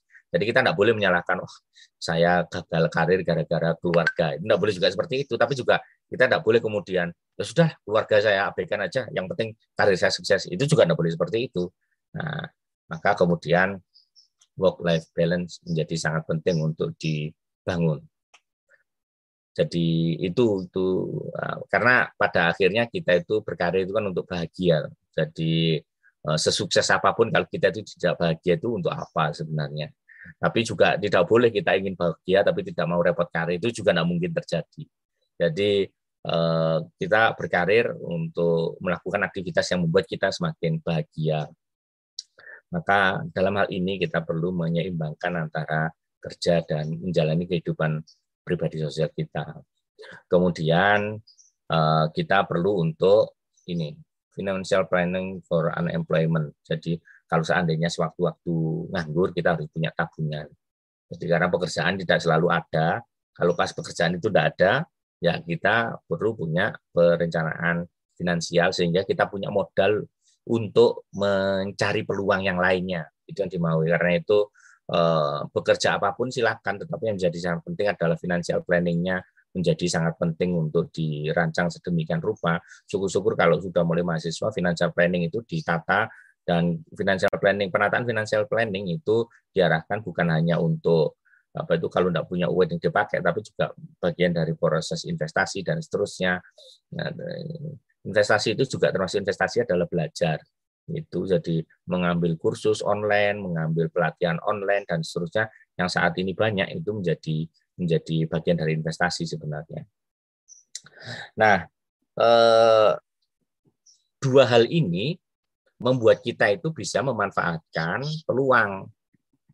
Jadi kemampuan kita untuk mengenali peluang dan kemudian menggunakan peluang ini membuat suatu peluang itu bisa kita tangkap Nah, ketika kita itu menangkap peluang, itu sangat mungkin di sini ada kejadian yang macam-macam. Nah, waktu teman-teman dulu masuk S1 bimbingan dan konseling, itu sudah menangkap karena sudah mempersiapkan sedemikian rupa. Eh ternyata ketika dijalani, eh ternyata ada kejadian pandemi yang mana nanti kita melihat eh, BK nanti prospeknya seperti apa dengan masa pandemi ini. Nah, karena itu itu perlu berpanda. Nah, nanti kalau di sini memang ada keputusan baru ataukah tidak. Nah, kalau kemudian ada atau tidaknya keputusan baru nanti akan membuat eh, apa itu namanya eh, dengan pola pola perubahan ini akan membuat kita untuk ini. Jadi kita merencanakan tujuan jangka pendek atau jangka panjang yang baru atau yang kita modifikasi. Ini yang yang yang sangat penting ditegaskan jadi berkaitan dengan menangkap peluang. Kemudian kenapa tahu kita itu tidak mampu menangkap peluang? Yang pertama adalah karena genetik. Jadi kita apa itu namanya memang punya batasan untuk tidak bisa melakukan sesuatu. Entah itu karena inteligensinya terbatas, bakat terbatas dan seterusnya. Itu memang eh, kadang-kadang memang dibatasi itu. Tetapi dalam pembatasannya itu sebenarnya pun juga eh, apa itu namanya ada hal tertentu yang sebenarnya banyak hal yang bisa dilakukan sebenarnya dalam segala keterbatasan potensi yang kita miliki. Makanya mengeksplorasi eh, itu bukan hanya eksplorasi tentang dunia kerja atau peluang di masyarakat, tetapi juga eksplorasi tentang eh, potensi atau melakukan self assessment menjadi sangat penting. Kemudian yang berikutnya adalah pengalaman belajar. Jadi ketika pengalaman belajar menunjukkan bahwa inilah Bapak Ibu kalau masih ingat bahwa sebenarnya orang bermasalah itu apa tuh kalau dalam perspektifnya behavioral. Dalam perspektif behavioral, eh, belajar yang apa itu orang itu bermasalah, orang itu mengalami masalah ketika apa? Ketika ada eh, apa itu pengaitan stimulus dengan respon ini dengan cara yang salah. Nah, salahnya stimulus respon ini malah diperkuat. Jadi ini yang dimaksud dengan kesalahan belajar. Nah, apa maknanya? Nah, sering kali dalam kehidupan kita itu kita belajar, nilainya mulai meningkat, biasanya dapat 5, dapat 7, kemudian guru atau orang lain sekitarnya, ah dapat 7 aja bangga. Nah, ini adalah bentuk pemasangan atau penguatan S dan R yang salah. Harusnya 7 itu ya betul-betul bangga. Jadi dan itu harusnya diperkuat oleh lingkungannya. Sampai kemudian ah sering kali kita menang dalam entah itu dalam pengasuhan maupun jadi orang perempuan, tidak usah repot-repot lah berkarir, yang penting nanti cukup di rumah, mengelola rumah yang baik. Kadang-kadang ini tidak terlalu anu dan kalau itu di internalisasi betul ini memberikan pengalaman belajar yang tidak pas. Kemudian kejadian atau peristiwa lingkungan, pandemi ini menjadi menjadi salah satu hal yang membuat orang itu mampu atau tidak mampu memanfaatkan peluang. Kemudian pengasuhan dari orang tua, sering kali pengasuhan maupun orang tua itu memunculkan kata jangan. Ini uh, banyak sekali dibahas. Jadi jangan berkembang, jangan maju, jangan melakukan hal yang aneh-aneh, jangan terlalu kreatif, jangan terlalu vokal, jangan terlalu uh, suka protes, jangan apa, jangan apa dan seterusnya. Ini membuat orang menjadi tidak banyak mampu memanfaatkan atau menciptakan peluang. Teman sebaya, kalau dalam bahasa agama itu ada konsep apa itu namanya uh, tombol hati itu salah satunya adalah cari orang soleh maka teman kita itu sangat menentukan kita nanti punya semangat atau tidak untuk menjalani hidup dan berkarir. Kalau kita ketemunya orang-orang tidak punya semangat di lingkaran kita, ya sudah itu akan membuat kita uh, akan cenderung seperti itu. Tapi kalau kita menempatkan diri kita pada orang-orang yang optimis, pada orang-orang yang punya daya resiliensi yang bagus, maka itu akan membuat kita uh, terilhami untuk melakukan hal yang lebih. Kemudian berikutnya adalah dunia pendidikan. Uh, ini ini ini yang kita bahas saat ini.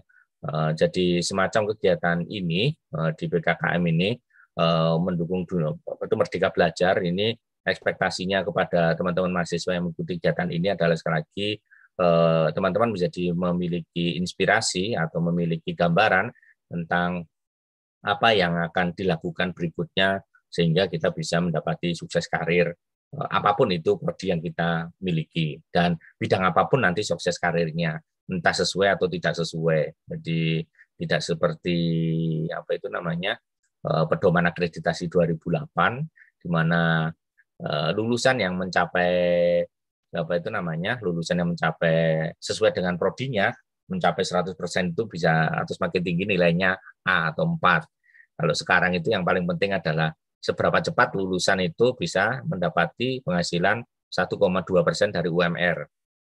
Nah, karena itu teman-teman eh, mahasiswa yang paling penting itu kita segera bisa mandiri secara finansial itu kata kuncinya sebenarnya.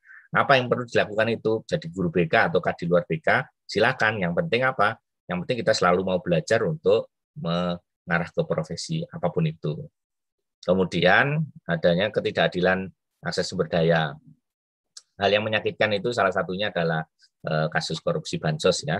Eh, saya tidak memaksud untuk bicara dari ranah politik lebih jauh karena saya tidak memahami itu, tetapi saya ingin mengatakan bahwa sumber daya itu di masyarakat selalu sifatnya terbatas. Di masa pandemi idealnya orang-orang kurang beruntung itu mendapatkan akses terhadap sumber daya eh, supaya mereka bisa survive. Tapi ternyata uh, ada kejadian yang kurang menyenangkan. Karena itu ketidakadilan itu juga bisa membuat orang itu semakin fight. Kita banyak contoh orang-orang yang kurang beruntung tapi sukses. Hmm, contoh yang paling populer itu beberapa tahun lalu ada buku tentang sepatu dahlan dari Pak Dahlan Iskan yang yang memang awalnya itu orang apa itu namanya dari pegunungan di daerah Magetan eh, sekolah aja sepatunya seperti itu bisa sukses. Ini ketidakadilan atau keterbatasan terhadap akses sumber daya pada titik tertentu membuat orang itu struggle mau berjuang untuk mendapatkan kesuksesannya tapi pada saat tertentu kadang-kadang pada orang yang sudah terbiasa hidupnya mewah, mapan dan seterusnya kadang-kadang lupa bahwa dia punya tanggung jawab untuk memperjuangkan kesuksesannya di masa depan. Nah, yang seperti ini, lagi ketidakadilan sosial pada saat yang sama eh, membuat orang itu berusaha menciptakan peluang, tapi pada saat tertentu juga eh, apa itu namanya membuat orang itu terlena dan seterusnya lah. Jadi, nah kalau kemudian kita bicara tentang bagaimana menata karir di masa pandemi ini, maka menjadi sangat penting adalah kita belajar untuk mengambil tindakan apa tindakan yang Ini yang pertama kita berusaha untuk menyeimbangkan kehidupan pribadi dengan eh, karir. Jadi kita seimbangkan, kita cocokkan karir saya apa itu eh, dunia karir itu peluangnya sekarang apa, karakteristik pribadi saya itu seperti apa, termasuk nilai-nilai idealisme atau hal yang penting dari karir atau bidang karir yang kita inginkan dan seterusnya, itu kita eksplorasi. Tetapi eksplorasi ini bukan untuk membuat satu keputusan karir, tetapi berbagai macam alternatifnya. Jadi sangat tidak diharapkan di masa pandemi ini teman-teman memutuskan saya pokoknya lulus jadi guru BK. Kalau mau seperti itu sangat beresiko sekali. Itu tidak boleh. Teman-teman perlu untuk menangkap di sekitar kehidupan saya itu apa yang peluang apa yang bisa dimanfaatkan untuk membangun kemandirian finansial kita. Dan tentunya kalau kita melakukan itu juga memberikan manfaat pada masyarakat. Apakah itu? Nah, ini yang penting untuk selalu di jawab pertanyaan itu. Sehingga kita dengan menjawab itu kita punya berbagai macam alternatif keputusan karir. Dan kapan melakukannya? Nah, Merdeka Belajar memfasilitasi lakukan itu sejak masa kuliah untuk penyiapannya. Jadi tidak harus nanti menunggu setelah lulus. Selain kapan melakukannya adalah apa yang perlu dipelajari. Ini pertanyaan yang wajib dibahas saat ini. Sehingga teman-teman terpandu untuk kira-kira apakah cukup kuliah eh, di prodi BK ini untuk membangun karir alternatif saya ataukah saya harus membangun eh, skill di tempat lain? Kalau iya itu di mana eh, dengan jejaring siapa dan seterusnya. Ini menjadi sangat penting untuk apa itu namanya dipikirkan. Yang berikutnya adalah kalau kita itu memahami diri kita memahami potensi kita Misalnya, oh saya itu inteligensi saya begini, bakat kita seperti ini, dan seterusnya. Inteligensi bakat itu bukan untuk membatasi jenis pekerjaan. Sekali lagi, bukan untuk membatasi jenis pekerjaan. Tetapi apa? Tetapi itu adalah penyemangat kita untuk belajar. Jadi begini maksudnya. Kalau seandainya kita tahu bahwa minat karir kita itu minat karir di bidang A misalnya. Nah, dengan tahu minat karir di bidang A, maka kita bukan berarti kemudian berarti karir saya harus bidang A. Tidak. Tetapi yang menjadi penting apa? Bahwa kalau saya belajar di hal-hal yang relevan dengan minat karir bidang A tadi, maka prestasi akan cenderung bagus dan saya bisa membangun kompetensi yang bagus. Nah, dengan kompetensi ini apa saya bisa lakukan? Apakah harus di bidang A? Tidak harus, tapi bidang lain pun yang apa itu namanya menarik juga bisa dilakukan. Saya ingin memberi contoh begini. Teman-teman kalau pernah mendengar Kurt Lewin, Nah, atau yang lebih terkenal lagi misalnya adalah apa itu dalam teori psikoanalisa uh, Freud. Mereka ini bukan orang psikolog. Jadi Lewin itu ahli matematika, kemudian Freud itu orang kedokteran. Nah, tetapi mereka eksis karirnya malah di dunia psikologi. Kenapa kok seperti itu? Karena sekali lagi ketika mereka itu sudah punya kompetensi yang bagus di bidangnya, mereka tidak menutup diri untuk bahwa saya pekerjaan saya adalah eh, dokter ya sudah dokter aja yang dipikirkan. Nah, Sigmund Freud kemudian menekankan pada isu kejiwaan sehingga dia populer sampai masa sekarang ini meskipun teorinya tidak banyak menjadi rujukan untuk praktek, tetapi setidaknya menginspirasi banyak teori dan sampai sudah usianya 100 tahun teorinya, lebih dari 100 tahun usia teorinya masih tetap di eh, apa itu namanya dijelaskan sampai saat ini. Sama juga seperti Kurt Lewin, sama juga seperti apa itu namanya Pavlov. Pavlov itu juga seorang dokter hewan, bukan seorang eh, apa itu namanya psikolog. Dia eksis dengan teori classical conditioning, tapi sebenarnya dia bukan seorang eh, apa itu namanya bukan seorang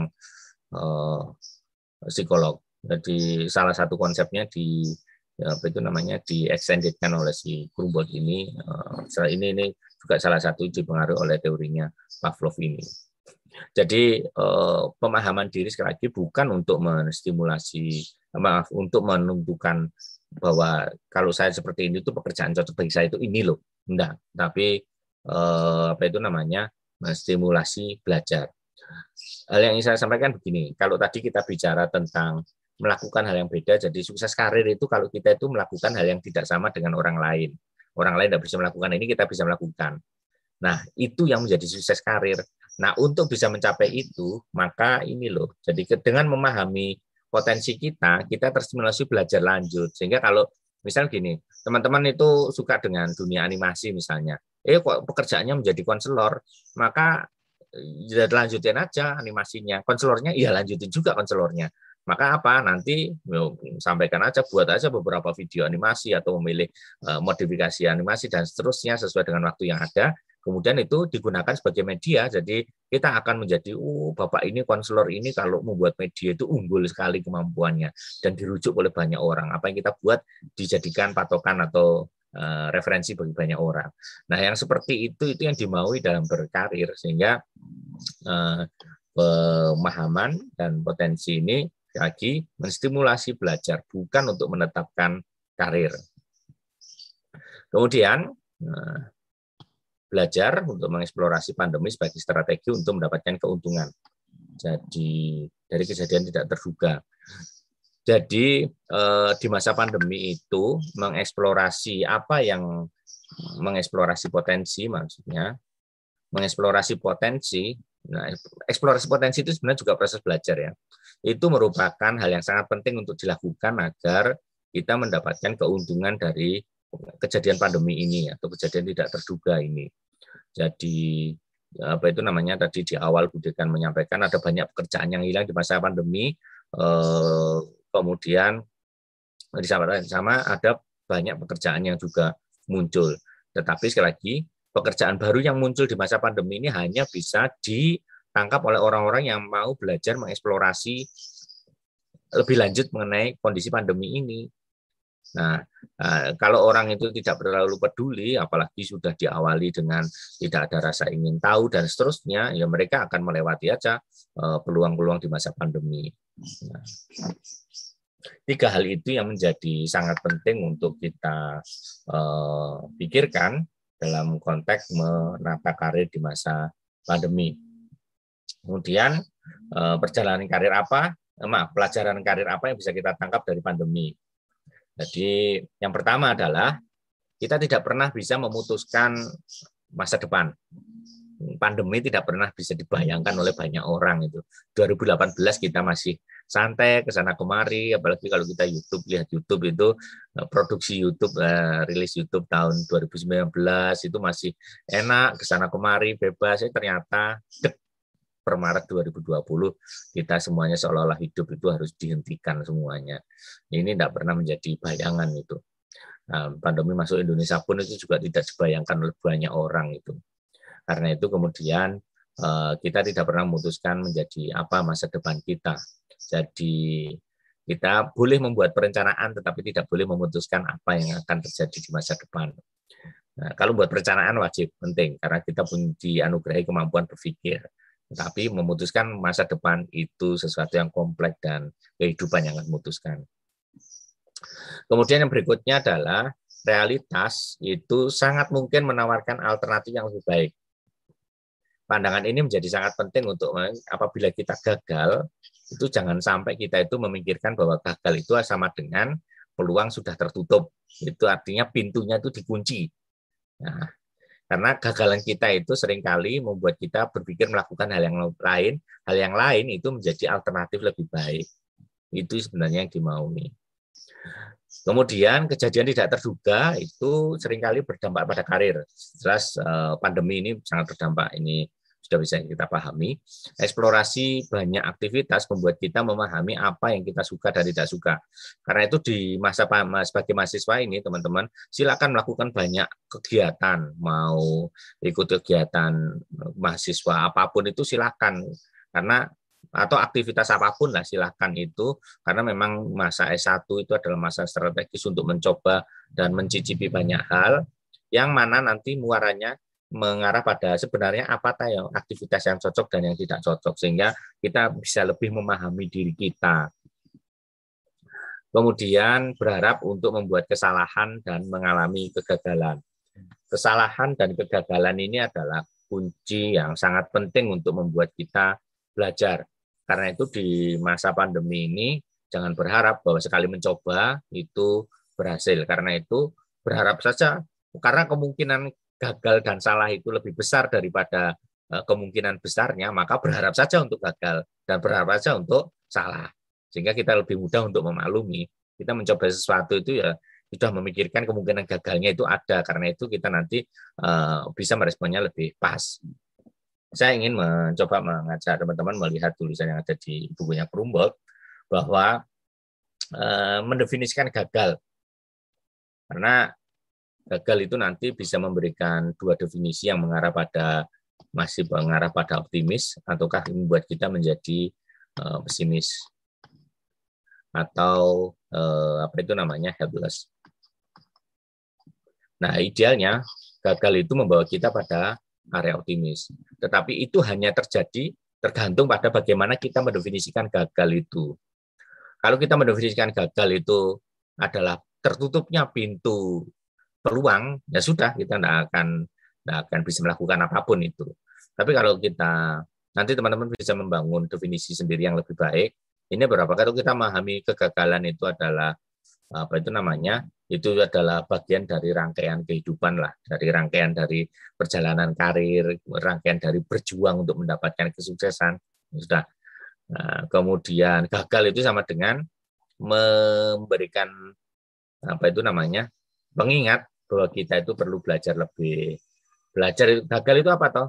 Gagal itu adalah uji coba produk uji coba. Jadi kalau saya melakukan ini gagal, ya itu masih uji coba yang pertama. Eh, sama lah seperti kita menganalogkan yang dilakukan oleh atau Mas Alpha Edison sekian ratus kali gagal ya berarti itu menemukan cara untuk belum berhasil tinggal nanti mesti ada cara untuk berhasilnya kemudian eh, gagal itu menemukan apa itu namanya cara mencari bantuan jadi dengan gagal itu kita tahu ke mana kan kita itu mencari bantuan. Gagal itu sama dengan eksplorasi. Jadi mengetahui hal yang tidak pas itu yang mana. Gagal itu adalah menemukan eh, apa itu namanya. Ternyata apa yang kita lakukan itu mengandung kekeliruan, masuk keliruan informasi dan seterusnya. Gagal itu sama dengan eksperimen. Jadi coba-coba dan seterusnya.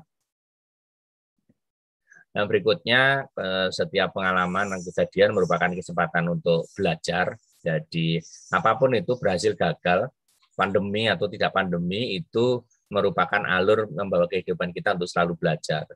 Karena itu lagi ongoing learning itu menjadi sangat penting atau belajar sepanjang hayat itu penting.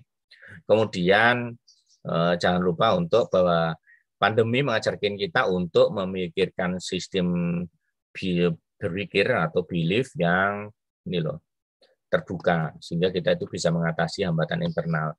Eh, teman-teman semuanya atau Bapak Ibu eh, hal yang menjadi susah untuk diatasi dalam mencari peluang di pandemi itu sebenarnya adalah hambatan internal ini. Jadi apa itu? Salah satunya adalah ketakutan akan gagal. Jadi menganggap gagal adalah ancaman. Itu itu itu salah satu yang yang hambatan yang sangat besar sekali. Jadi dalam uh, situasi semacam itu kita perlu apa itu pandemi mengirimkan pesan kepada kita untuk bisa mengatasi diri kita sendiri, hal yang lebih penting. Nah, kemudian dengan mengatasi diri kita, kita akan bisa berjuang memanfaatkan peluang. Itu yang bisa saya sampaikan di kesempatan kali ini. Eh, apa itu namanya? Berkait dengan eh, berkait dengan eh, mengelola atau menata karir di masa pandemi. Saya kembalikan ke Bu Fariha. Terima kasih Pak Nawan untuk sharing Oke. sessionnya terkait dengan bagaimana kita menata karir di masa pandemi. Selanjutnya nanti kita lanjutkan dengan sesi tanya jawab ya Pak ya. J. Ya, menarik sekali ya teman-teman dan Bapak Ibu semua. Ternyata ketika di masa pandemi ini menjadi sebuah tuntutan atau bisa jadi sebuah peluang bagi kita. Mohon maaf.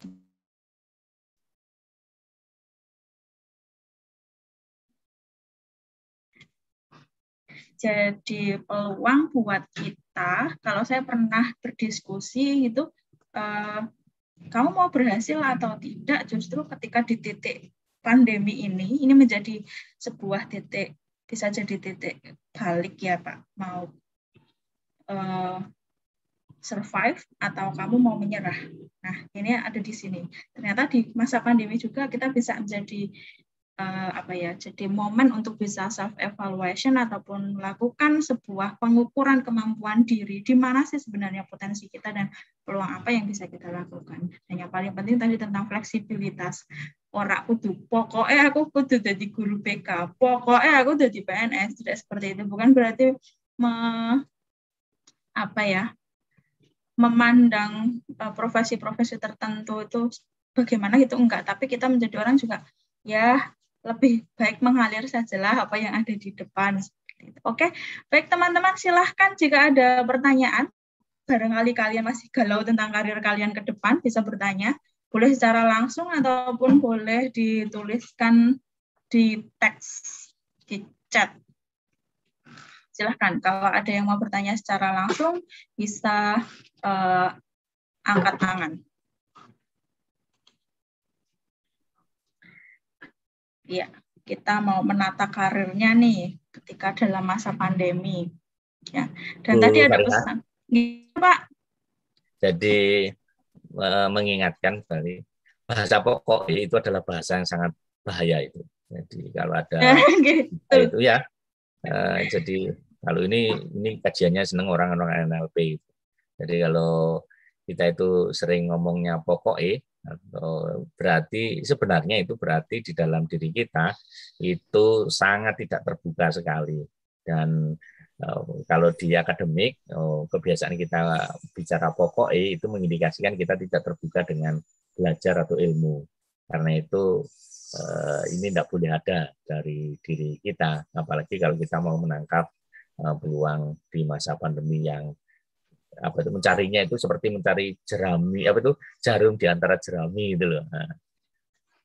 Ya, baik. Ya, Pak. Saya juga teringat dulu kalau nggak salah waktu S1 pertama kali mengenal istilah ini di ada berapa belas tuh irrational belief ya Pak ya. Kalau bahasa Indonesia kalau saya bilangnya di sini pokoknya kalau di bahasa Indonesia mungkin diistilahkan dengan harusnya saya harus saya harus itu itu termasuk irrational belief juga ya pak kalau nggak salah ya, ya pak ya nah ya, betul sekali. Itu ternyata juga tidak sehat teman-teman. Jadi uh, perlu fleksibel ketika kita menghadapi sebuah uh, permasalahan ataupun misal kita sudah menata sebuah karir. Karena nggih nyon sewu sejujurnya saja saya juga menghadapi beberapa teman-teman mahasiswa kalau misal bercerita ya Pak. Kamu nanti setelah lulus ini mau jadi apa? Saya mau ke sini Bu. Nah, misal misal nggak berhasil gimana di situ? Ya saya akan coba lagi tetap di situ. Nah terus sambil menunggu kamu bisa berhasil di sana, apa yang akan kamu lakukan? Um, tahu Bu. Nah itu yang belum ditata dan belum difikirkan gitu. Ya. Oke. Okay.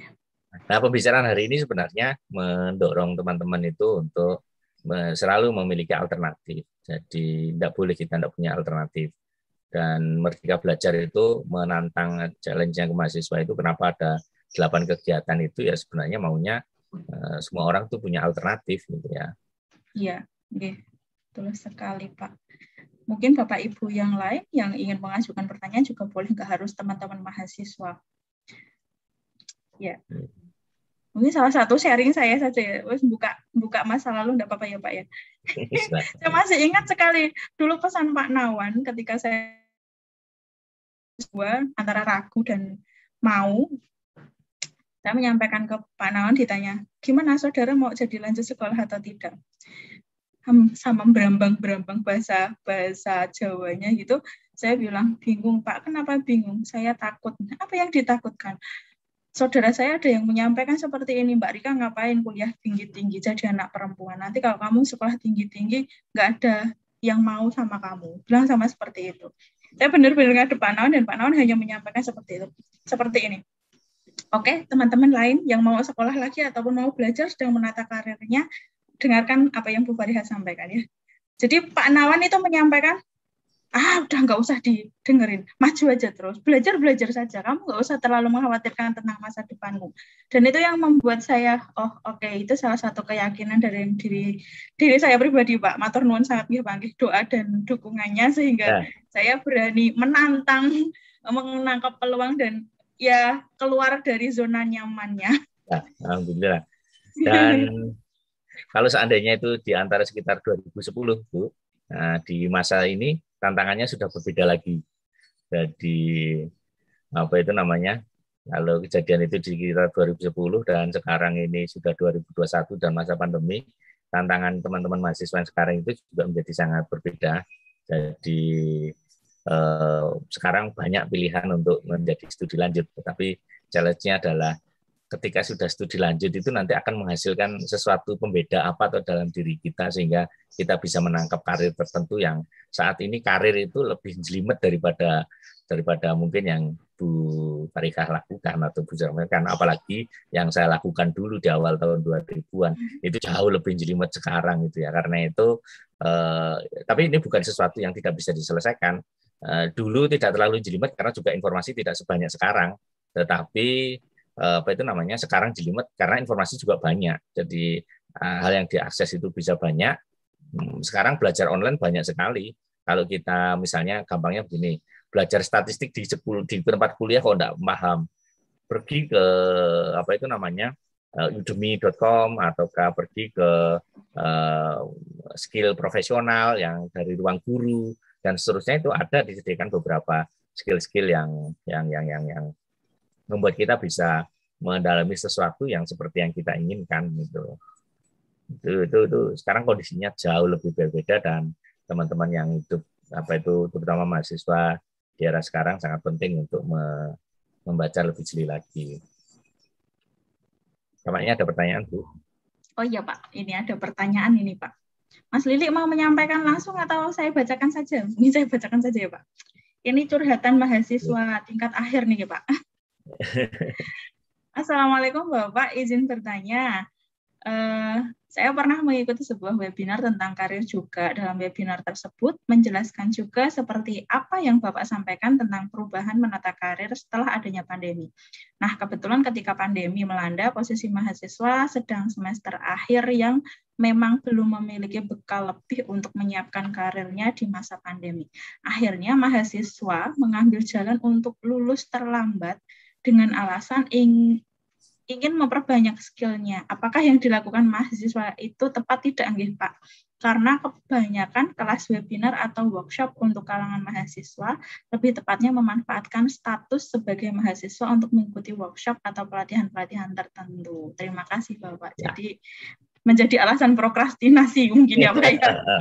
Oh bukan prokrastinasi tapi menambah skill di ya. uh, jalur perguruan tinggi. Nggih, monggo Pak. Yang jelas memang tidak bisa bergeneralis. Jadi tidak bisa terlalu digeneralisasi ya, alasan tadi.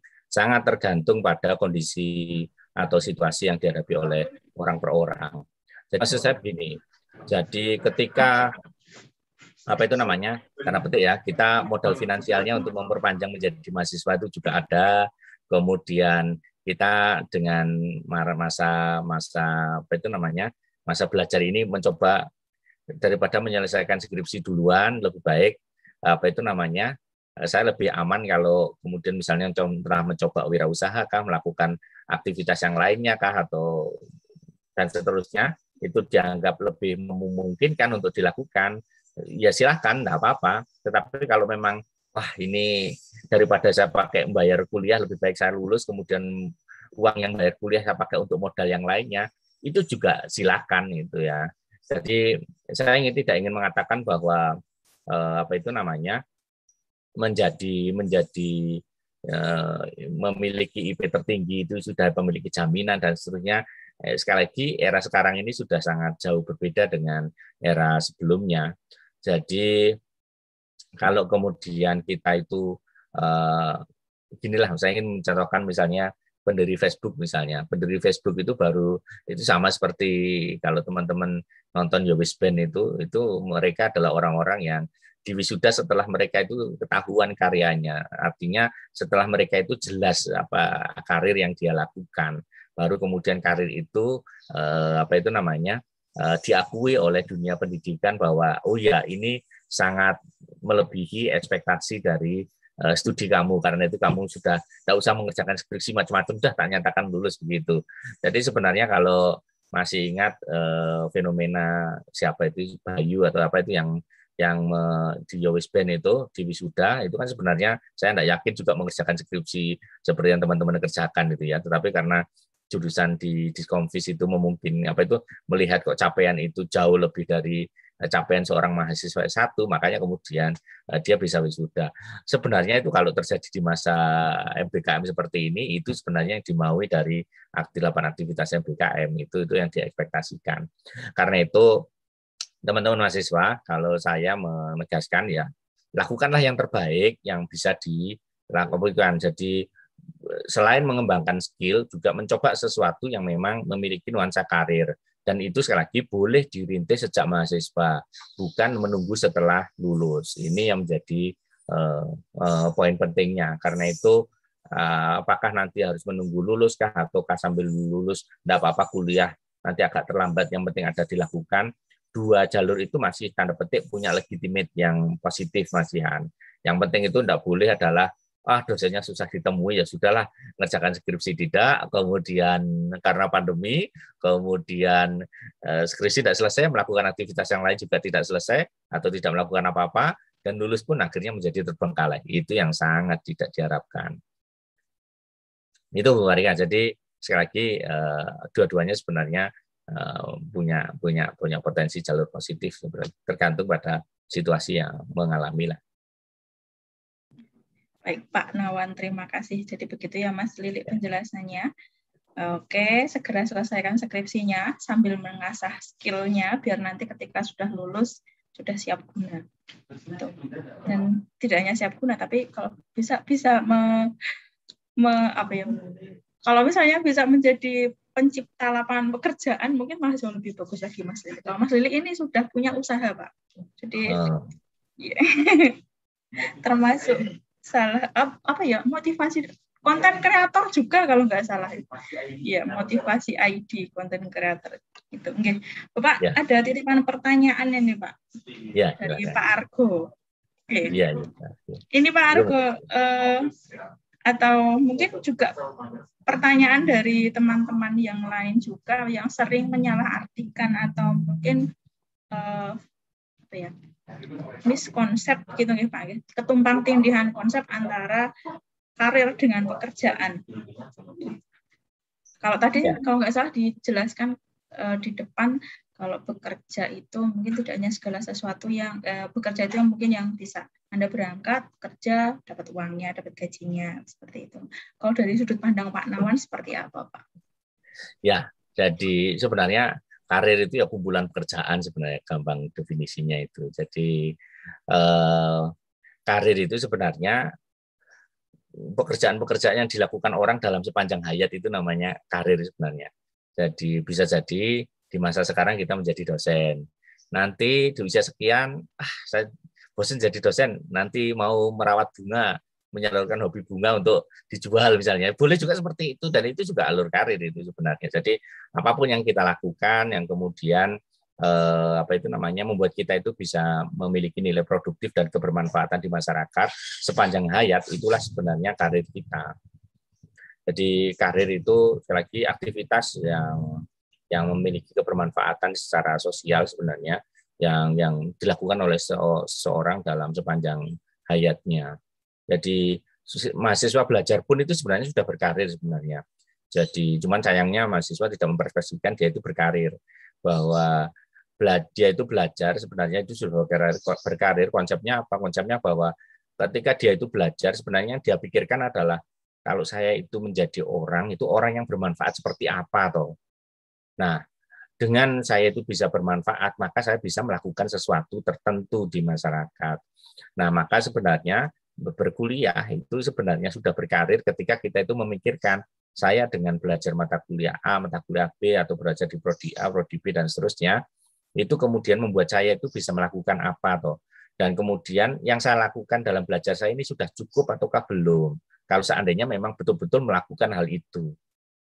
Maka kalau kita framework kuliahnya seperti itu, itu sebenarnya uh, sudah berkarir. Karena itu kemudian kenapa konsep-konsep dalam uh, karir itu, misalnya dalam variabel karir itu ada uh, karir engagement misalnya keterikatan karir dan karir engagement itu bukan hanya sekedar orang yang bekerja engage atau terikat dengan karir pekerjaannya bukan hanya itu tetapi ketika dia menjadi mahasiswa itu sudah engage dengan karir yang dia targetkan atau yang dia buat keputusannya. Jadi itu sebenarnya sudah berkarir sebenarnya itu sekilas konsepnya Bu jadi uh, karir itu sebenarnya konsep yang sangat luas sekali sebenarnya Iya, terima kasih Pak Nawan atas penjelasannya. Yeah. Monggo jika ada diskusi lagi, kita masih punya waktu beberapa menit ke depan. Uh, sebenarnya menarik ya kalau kita berbicara tentang karir.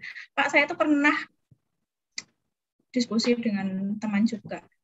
Dulu kalau nggak salah beliau itu membaca buku kemudian menyampaikan bahwa menyampaikan sebuah pesan kepada saya pribadi atau mungkin teman-teman juga sudah pernah uh, mendengarnya ini ya ada istilah do what you what you love and love what you do. Nah, lakukan apa yang kamu suka dan sukai apa yang kamu kerjakan. Gitu. Mbak? Ya, hmm, diskusi kita memang selalu mengarah itu. Jadi karir itu selagi untuk bahagia loh ya. Jadi kita bekerja ya. itu untuk bahagia, berkarir itu untuk bahagia. Bukan berkarir itu untuk terpaksa atau berkarir untuk menderita atau berkarir untuk mencari stres. Bukan itu. Karena kalau kita itu sudah bekerja kok tidak bahagia, ini ada yang salah dengan uh, diri kita, entah itu di persiapannya, entah itu dalam menjalani proses atau apa pun itu. Karena itu uh, kalau kita itu mau uh, salah satunya mau berkarir untuk bahagia ya kita me melakukan karir itu dengan sesuai yang kita menjadi tanda petik bahasa seharian kita itu passion kita jadi sesuatu yang kita sukai untuk kita lakukan itu menjadi sangat penting sekali dan kalau kita betul-betul melakukan apa yang kita sukai, bahkan nanti itu penghasilan itu tidak dianggap terlalu penting itu. Yang menjadi penting, termasuk pengakuan oh, teman, pengakuan orang lain, kadang-kadang tidak terlalu penting. Kalau kita kaitkan dengan konsepnya Maslow, yang yang seperti itu tuh menjadi kita itu melakukan sesuatu yang sudah selesai dengan diri kita. Yang kita utamakan adalah eh, apa itu namanya? Yang kita utamakan adalah bagaimana kita mengaktualkan apa yang kita miliki sehingga semua bagian dari kita itu adalah manfaat bagi orang lain. Itu bahasa lain dari aktualisasi. Bahkan kalau kita menjadi menjadi menjadi suka dengan aktivitas kita berkarir itu memang bentuk perwujudan mengaktualisasikan diri sebenarnya karena itu sangat sayang kalau kita itu bahkan pun di masa pandemi ini kita disuruh untuk mencari banyak alternatif, tidak boleh atau tidak dianjurkan alternatif itu yang terlalu kontras dengan apa yang penting, apa yang yang yang relevan dengan diri kita. Kita banyak hal itu kita diminta untuk tetap itu dalam koridor sesuai dengan apa yang yang bahasa keseharian kita itu sesuai dengan passion kita, kah? sesuai dengan minat kita, sesuai dengan nilai kita, sesuai dengan hal yang bermakna yang kita perjuangkan dalam kehidupan kita dan seterusnya. Nah itu itu itu itu menjadi hal yang menjadi sangat penting sehingga dengan seperti itu kita bisa menikmati uh, sekian banyak aktivitas kita. Jadi sama seperti Bapak Ibu kita Bapak Ibu dosen di kita berbagi Nah, kita harapannya itu menjadi dosen itu bukan hanya karena bekerja supaya mendapatkan penghasilan. Saya yakin eh, tidak hanya sekedar itu, tetapi menjadi dosen adalah sesuatu yang di sinilah tempat saya itu mewujudkan eh, potensi saya sehingga saya tetap menjadi bermanfaat bagi terutama mahasiswa-mahasiswa yang mengakses talenta kita. Nah, kalau kita melakukan hal seperti itu, melembur sedikit, ah cuma segini aja. Yang penting work balance-nya masih work life balance-nya masih terjaga, it's okay lah, ada lembur-lemburan sedikit. Ya seperti itulah. Jadi kalau kita seperti itu sangat nyaman lah bekerja itu. Jadi kalau kok tiba-tiba ada tumpukan pekerjaan agak lebih dibandingkan dengan yang lainnya, ya enggak apa-apa lah. Wong ini pada akhirnya juga memberikan manfaat. Itu itu kalau tidak eh, apa itu namanya tidak terhonori di sini juga ada honor yang lain atau rezeki yang lain yang seperti itu. Jadi termasuk pun nanti teman-teman mahasiswa juga sama Idealnya kalau tiba-tiba kok berkarir pekerjaannya lebih daripada orang lain, itu sebenarnya adalah bagi apa itu bagi kita sebenarnya kesempatan untuk belajar lebih, kesempatan untuk mengaktualkan potensi kita sehingga uh, sangat sayang kalau kita menerima seperti itu dianggapnya beban, tapi terimalah itu sebagai bentuk perwujudan potensi yang kita miliki. Sepanjang kita itu dalam koridor kapasitas kita dan memungkinkan kita tetap menjaga work work life balance tadi, itu sangat mungkin untuk kita lakukan. Jadi berkarir uh, idealnya tidak boleh terhadap tidak sesuatu yang kita tidak sukai. Karena kalau kita melakukan sesuatu itu tidak kita sukai, kita tidak love terhadap aktivitas itu, maka kita tidak enjoy dan tidak happy menjalankannya. Kalau tidak happy, sudah semuanya akan mati. Uh, motivasi ya mati, kemudian uh, kinerja itu ya mati, kreativitas ya bungkam, inovasi apalagi dan seterusnya tidak akan muncul. Semua yang ada hanya kegerundelan dan kegerundelan dan seterusnya bekerja setahun rasanya sudah sekian lama lah dan seterusnya. Maka eh, menjadi sangat penting untuk eh, memilih aktivitas sesuai itu seperti yang kita sukai. Itu, Bu. Iya, Pak. Uh, ada pertanyaan tambahan Pak dari ya. tadi yang kita diskusikan. Nah, mana yang harus diutamakan dulu Pak? Kerja dulu baru mencoba mencintai atau bekerja sebaik mungkin atau mencari kerja sesuai dengan minat bakat kita atau yang kita sukai. Jadi kita nah. mendahulukan cintanya dulu atau kita mendahulukan apa yang ada di depan kita dulu baru kita cintai. Oke. Logikanya berkonselor dulu ya, Bu ya. Kalau logikanya konselor, sebenarnya bimbingan karir di sekolah itu adalah mengajak anak untuk mencintai bahwa mereka akan melakukan sesuatu di masa depannya. Jadi kalau diajak bicara siswa itu nanti harapannya dengan bimbingan karir kita, siswa itu nanti diajak bicara kamu nanti besok masa depan mau apa toh? Nah, wah saya itu inginnya ini pak. Saya dapat informasi itu dari mana-mana. Nanti itu pekerjaan ini dan ini tuh challenging bagi saya. Lah itu tuh siswa yang seperti itu mesti belajarnya rajin. Siswa yang seperti itu mesti uh, kalau ditanya mau kuliah ke mana? Ke sini pak. Prodinya ini. Oh, itu akan jelas itu. Itu yang dimaui dalam bimbingan karir kalau di sekolah. Jadi orang itu atau siswa itu punya orientasi yang jelas bahwa apa yang ingin mereka lakukan. Karena itu eksplorasi karir itu sangat penting di masa-masa sekolah itu. Dan dan sekali lagi bimbingan karir bukan hanya urusan tentang masa depan tapi urusan tentang bahwa mereka itu peduli dan punya tanggung jawab akan kehidupan di masa depannya. Nah, kepedulian dan tanggung jawab ini yang menjadi sangat penting untuk ditanamkan dalam bimbingan karir.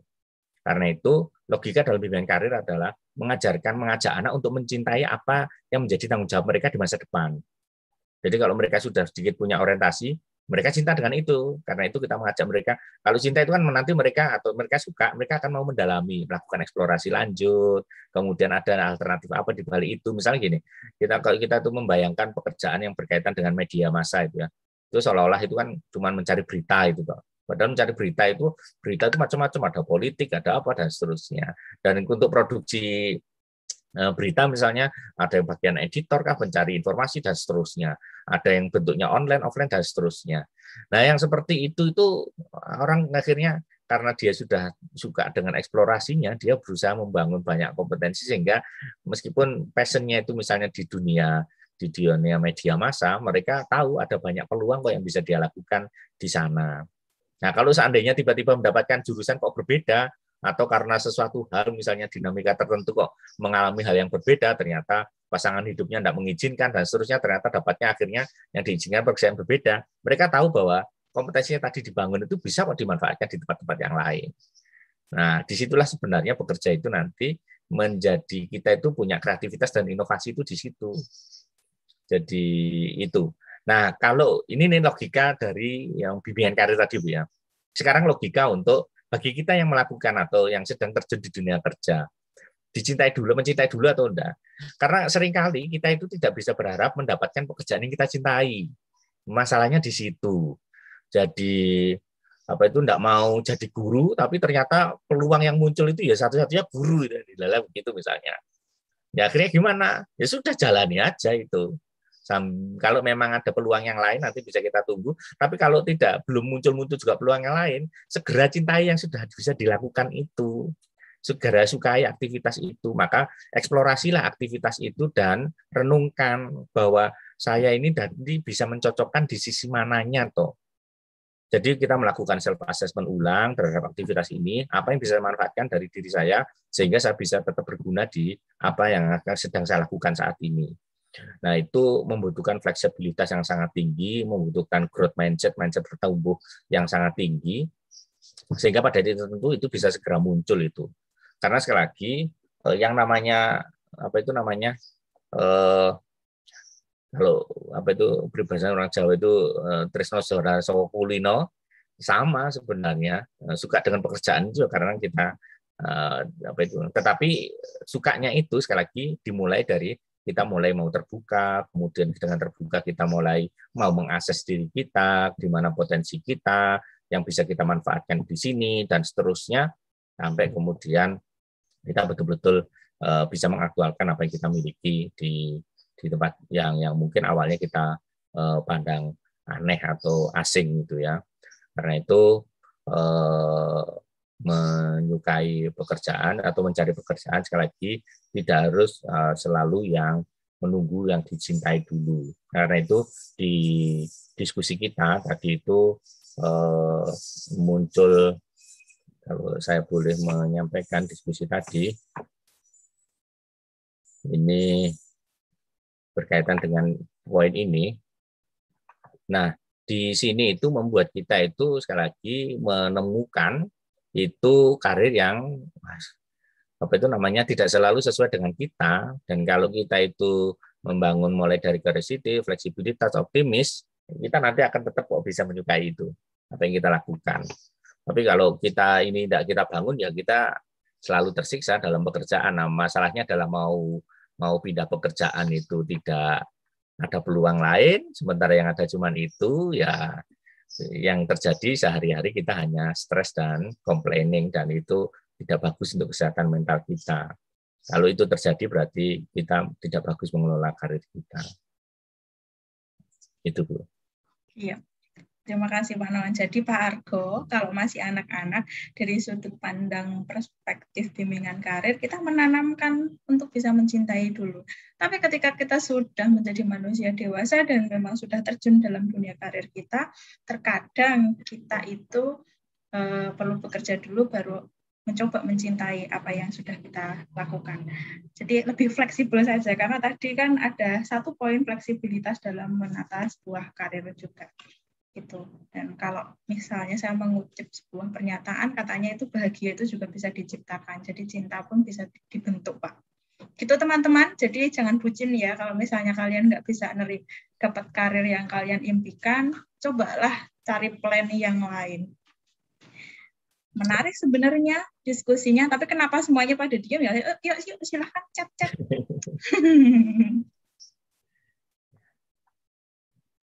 Oke, okay. um, Pak. Tapi kalau dalam pandemi seperti ini, kalau kita masih uh, berbicara tentang ini, Pak, John Holland kalau nggak salah ya, Pak. Ya, the right man on the right person, yang ya. apa tipe karakteristik kepribadiannya enam atau lima itu kalau nggak salah, itu masih ya. berlaku nggak sih, Pak? Kalau masih masih berlaku itu masih menjadi rujukan uh, dalam pengklasifikasian karir konsepnya Holland itu RISEC itu masih banyak dipakai itu. Tetapi kalau dalam kita comparekan dengan teori Havenstein ini, ini sebenarnya uh, Holland itu termasuk teori yang tradisional tadi dan kalau dalam perspektif yang kita diskusikan di pagi menjelang siang ini uh, itu menegaskan bahwa apa itu namanya? Kalau kita sudah teridentifikasi misalnya entah apa itu realitas realistiskah ataukah investigatif ataukah yang lain maka kita tidak perlu untuk memutuskan bahwa berarti pekerjaan saya harus di ini. Tetapi yang menjadi sangat penting adalah uh, saya itu akan nanti peluang bela belajar saya itu akan bagus kalau di area-area ini. Nah setelah saya belajar itu nanti apakah di bidang pekerjaan itu ataukah tidak kita tidak bisa memastikan tetapi setidaknya saya punya kompetensi bagus nanti di area-area ini. Nah, kalau nanti bidangnya sama, alhamdulillah. Kalau tidak sama, saya akan mengeksplorasi lanjut untuk beradaptasi dengan area yang semacam itu. Karena sekali lagi kuncinya kita tidak bisa menentukan dan memastikan masa depan seperti apa. Tapi di saat yang sama kita juga tidak boleh pesimis. Ini yang anehnya itu. Ya, ya terima kasih Pak Nawan. Serinya menarik sebenarnya Mas Eh, monggo silahkan. Oh, ada chat lagi ini. Oh, silakan peserta ngobar bisa mengisi link presensi ngobar hari ini. Ya, silahkan teman-teman bisa diisi presensinya uh, sebagai bukti kalau teman-teman dan Bapak Ibu menghadiri kegiatan ngobar ya. Kalau berbicara tentang karir sebenarnya nggak nggak akan selesai karena kita tahu kalau karir itu kita tata untuk sepanjang hayat kita ke depan. Ya. Kita tidak, misalnya saya pribadi, saya jadi dosen, tidak stuck di satu titik jadi dosen. Tidak akan pernah tahu eh, nanti lima tahun yang akan datang apa yang akan terjadi pada diri saya pribadi. Ya. Tapi lebih begini ya Pak, kalau saya menangkap tadi ya Pak, apa pun karir kita, profesi kita nanti seperti apa, yang perlu benar-benar kita persiapkan adalah sikap mental kita dalam menghadapi uh, apa yang ada di depan kita. Gitu ya Pak. Mau jadi Ya. apa pun, mau jadi guru, mau jadi entrepreneur atau mau jadi yang lain, kita harus punya sikap mental yang memang benar-benar tangguh untuk menghadapi uh, situasi. Jadi saya ingin menegaskan begini Bu, Eh, di dalam membuat keputusan karir atau rancangan karir, kita itu harus punya tujuan karir jangka panjang atau jangka pendek. Nah, eh, kita ya harus tetap punya dua-duanya. Jangka panjang kita perlu merancang bahwa misalnya kita sebagai dosen nanti lima tahun sekian, sekian tahun itu ya nanti mulai dari bagaimana kepangkatan kita, bagaimana studi kita, bagaimana eh, eh, kinerja kita dalam meneliti dan seterusnya itu kita kita buat rancangan itu ya meskipun juga tidak harus kaku. Nah, tetapi kita tahu bahwa ada arah ke ke mana itu ya. Tapi eh, jangka pendek, jangka pendek juga kita punya goal itu ya. Nah, kemudian lah kalau nanti ada kejadian tidak terduga misalnya ada kondisi tertentu terjadi misalnya oh, macam-macam banyak kondisi itu mulai kesehatan menurunkah ataukah faktor macam-macam itu. Jadi banyak kejadian tidak terduga akan berpengaruh terhadap kita dalam mencapai tujuan. Apakah kemudian itu nanti masih relevan? Ya, tujuan jangka panjang itu kalau kita tahu, kemudian eh ternyata saya mengalami situasi yang tidak terduga dan itu nanti membelokkan arah karir saya. Nah, ketika kita membelokkan, belok kita itu kita akan lebih enak kalau kita tahu titik awalnya di mana. Oh, di awal saya itu punya sebelumnya saya punya tujuan itu ke sini. Ternyata ada kejadian tidak terduga yang membuat saya harus ke titik berikutnya. Nah, perubahan itu menjadi smooth.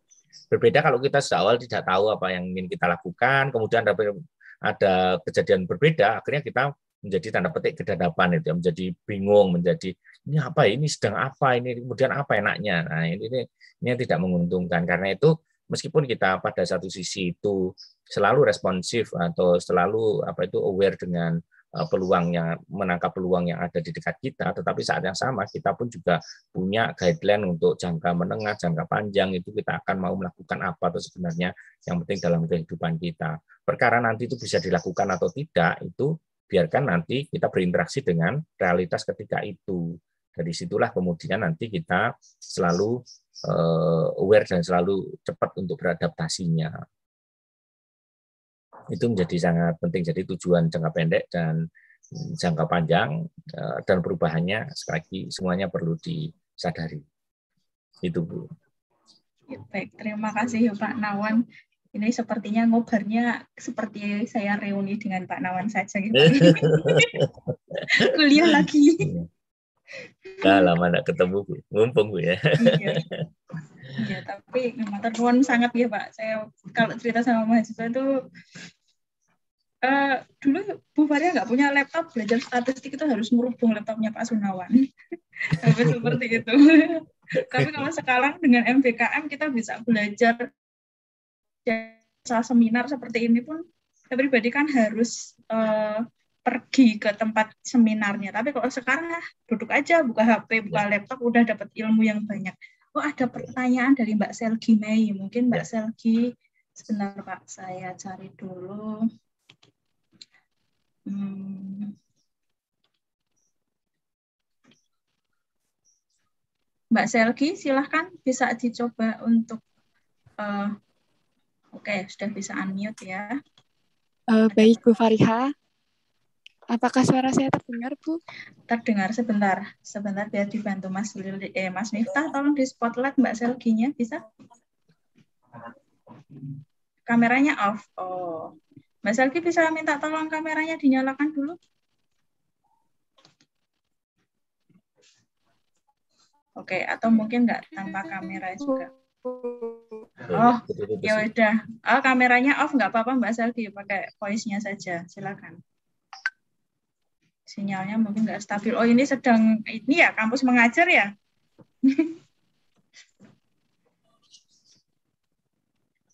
Kameranya di off kan nggak apa-apa, nak. Maaf ya Pak, Nggih. Ini sepertinya ada di daerah sinyalnya sulit. Baik, apakah suara saya terdengar, Bu? Bisa, sudah terdengar. Silakan. Eh, terima kasih Bu Fariha telah eh, memberikan waktu kepada saya.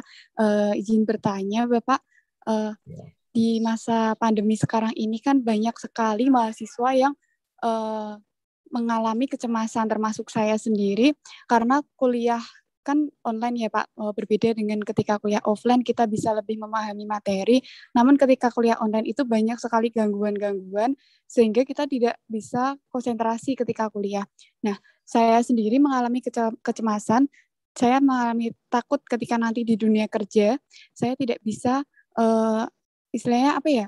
em, em, kita tidak tidak bisa memberikan apa materi yang ada di kuliah itu ketika di dunia kerja itu tidak tidak bisa kita terapkan seperti itu karena kita ketika kuliah eh, mengalami beberapa kendala tersebut. Nah, pertanyaan saya agar kita tidak mengalami kecemasan untuk eh, karir dan masa depan kita eh, itu bagaimana ya Pak caranya seperti itu?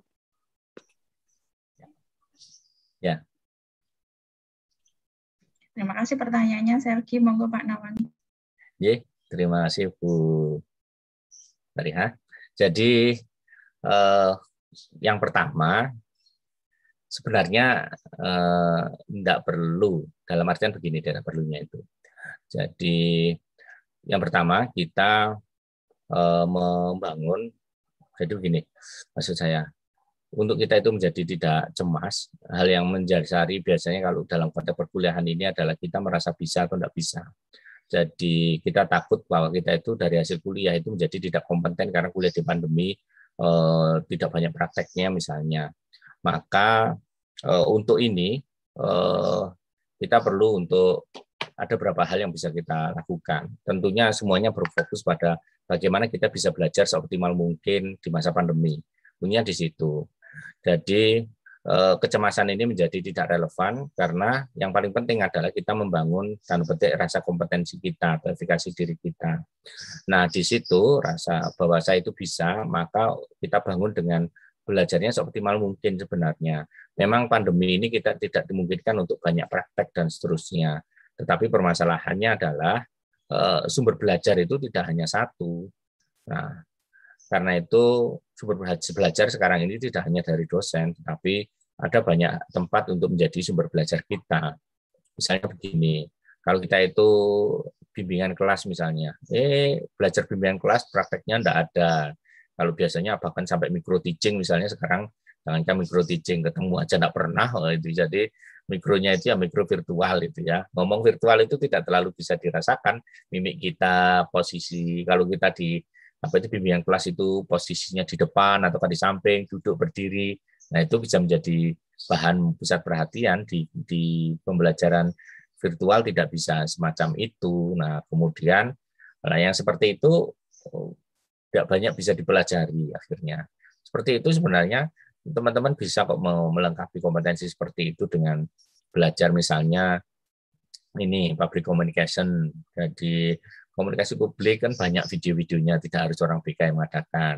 Kemudian kita juga eh, banyak video-video tentang bagaimana cara mengajar yang baik. Sebenarnya nanti kita latihannya latihan mandiri, misalnya semacam itu. Nah, itu sangat dimungkinkan untuk dilakukan di masa saat ini. Makanya sebenarnya pandemi saat ini itu memang merugikan itu ya, membuat kesempatan kita banyak yang hilang. Tapi di saat yang sama menjadi kita membuat menyadari bahwa kesempatan secara virtual saat ini sudah sangat kuat sekali, sudah banyak sekali informasinya. Karena itu hal yang paling penting Makanya eh, konsep merdeka belajar itu menjadi menariknya itu di sini teman-teman. Jadi merdeka belajar itu bukan hanya menyuruh kita itu macam-macam kegiatannya, bukan sebenarnya. Tetapi merdeka itu dalam artian mahasiswa itu harapannya punya kendali terhadap kegiatan belajarnya sendiri. Jadi kita sendiri yang harus memastikan saya itu kalau saat ini cemas dengan uh, lulus nanti mau bisa enggak ya kira-kira bekerja atau menjalankan profesi ini, maka Eh, pertanyaan itu harus kita jawab dengan kira-kira saya itu mau belajarnya seperti apa atau standar belajar saya seperti apa, tujuan belajar saya seperti apa. Dengan kita merancang semacam itu, nanti kita mencari kuliah di kuliah online di kampus ini yang disediakan. Yang tidak disediakan yang mana, berarti saya akan mencari pengetahuan yang lain itu tentang apa saja. Nah, ini menjadi sangat sangat bisa dilakukan kalau mahasiswa itu memiliki kendali atau kontrol atas aktivitas belajarnya. Namun kalau mahasiswa merasa bahwa oh, pokoknya kalau ada kuliah online datang, setelah itu tidak ada online ya sudah itu malah yang seperti itu kadang-kadang malah tidak terlalu cemas karena mereka acuh tak acuh dan tidak mengambil tanggung jawab atas eh, apa itu namanya tanggung jawab untuk membuat satu kompetensi dan ini sangat merugikan sekali. Maka kalau cemas bolehlah itu silakan cemas tetapi jangan terlalu jauh tapi Eh, dengan disubstitusi apa? Substitusi eh, cobalah dirancang kembali bahwa target belajar saya itu apa. Kalau saat ini misalnya kebetulan melakukan kampus apa itu kampus mengajar, eksplorasilah di sana apa yang bisa dipraktekkan bersama guru dan sambil kita belajar memberikan masukan kita juga pengalaman apa yang bisa ada di sana dan equalkan itu dengan uh, skill kita untuk uh, terkait dengan uh, profesi yang sedang kita pelajari. Jadi itu sebenarnya jadi kalau misalnya saat ini jauh-jauh sedang melakukan kampus mengajar, eh, yang penting untuk dipegang adalah saya ini sedang mau membangun kompetensi yang apa toh bersama orang-orang yang ada di sekitar saya ini. Itu yang penting untuk disadari sehingga kita eh, tertantang untuk berinovasi di di situasi saat ini. Itu yang bisa saya sampaikan ini Bu. Oke, jadi begitu ya Mbak Selgi, nggak usah khawatir. Nanti nggak bisa uh, menerapkan ilmu yang diperoleh di bangku perkuliahan. Dan sebenarnya belajar itu nggak harus selalu tentang materi yang disampaikan oleh dosen begitu. Tapi kamu berani untuk ikut kampus mengajar itu juga sudah luar biasa. Karena tidak semua orang atau tidak semua mahasiswa mendapatkan kesempatan untuk bisa join dengan kampus mengajar. Dan saya rasa kampus mengajar juga mengajarkan kita untuk bisa bagaimana kamu punya soft skill dan juga hard skill di sana untuk mempraktekkan apa sih yang sudah kamu pelajari gitu. Tetap semangat ya Selgi, keep optimis untuk teman-teman semua. Tidak ada hambatan ketika uh, pembelajaran dilaksanakan secara online. Oke. Okay? Apakah masih ada pertanyaan lagi dari teman-teman? Jika tidak ada, nobarnya akan Bu Fariha akhiri. Tapi sebelumnya, mari kita, eh, saya akan membacakan sebuah simpulan dari penjelasan Pak Nawan tadi yang eh, menarik dengan berbagai macam bahasa Inggris dan sebagainya. Tapi poinnya adalah eh, tatalah karir kalian untuk kalian bisa bahagia. Berkarirlah dengan hati yang bahagia gitu. Dan ketika dalam masa pandemi tidak menjadi hambatan untuk kita. Kalau misalnya kalian terlalu cemas dan takut, maka ini akan membuat kita stuck dan berhenti pada satu titik. Nah, bagaimana cara kita bisa menata karir? Yang pertama kita perlu melihat peluang apa yang ada ketika pandemi. Bagaimana kita mampu untuk melihat peluang? Kalian perlu punya rasa ingin tahu punya sikap yang gigih dan fleksibel hilangkan kata pokoknya kudu dadi iki. Oke, kemudian optimis lah, tidak usah aku ki anak sopo sih, saya itu dari keluarga bagaimana saya itu anak desa, saya tidak bisa untuk memiliki karir yang baik itu dihilangkan. Semua punya kesempatan yang sama. Kemudian silahkan bisa ditangkap peluangnya ketika kalian melihat sama halnya seperti misal ada nyamuk lewat ya kalian gemes sama nyamuknya kan melihat nyamuknya tangkap tapi sama karir ketika kalian bisa melihat peluangnya kemudian tangkap peluang itu jangan biarkan saja kalau misalnya ada istilah peluang itu cuma uh, tidak akan datang dua kali, mungkin kalau itu saya kurang setuju. Kita bisa mendapatkan peluang beberapa kali dan bahkan mungkin bisa menciptakan peluang itu sendiri ya teman-teman. Nah, bagaimana cara menangkap peluang itu? Harus punya komitmen. Ingat harus punya komitmen.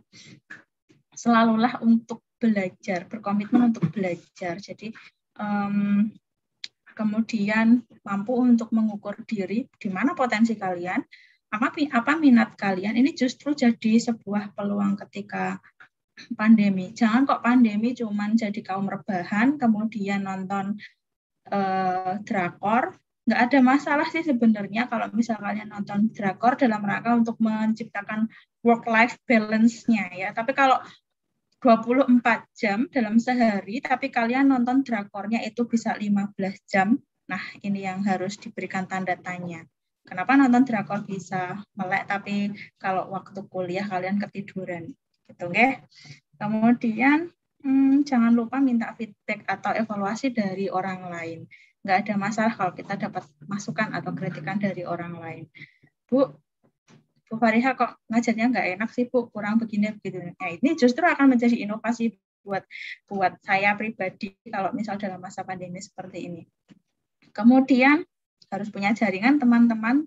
Nah, bagaimana cara kita menciptakan jaringan sekarang? Ada medsos. Kalian mau punya ketertarikan di mana sih? Cari eh, grup-grup uh, itu. Tapi hati-hati, jangan asal ngumbar sesuatu di media sosial kalian. Karena terkadang orang yang nanti ketika uh, ketika kalian apply pada sebuah job atau mungkin kalian sedang menata karir kalian orang yang akan menggunakan kalian nanti itu akan membaca atau melihat bagaimana sih histori medsos kalian jadi kayak eh, apa yang aktivitas media sosial kalian seperti apa, kemudian sopan santun kalian dalam bermedia sosial seperti apa itu juga akan menjadi sebuah asesmen tersendiri.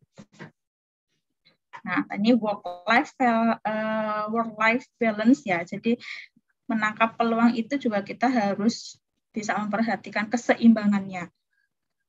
Dan ingat uh, perencanaan finansial itu juga perlu di perhatikan. Jadi jangan hanya aku pengen punya usaha, tetapi kalian tidak punya perencanaan finansial yang baik, akhirnya semua modal dipakai buat usaha, kalian nggak punya tabungan, modal kalian habis, usaha kalian bangkrut, nah kalian nggak bisa survive lagi, jadi harus punya kemampuan manajerial keuangan yang baik juga.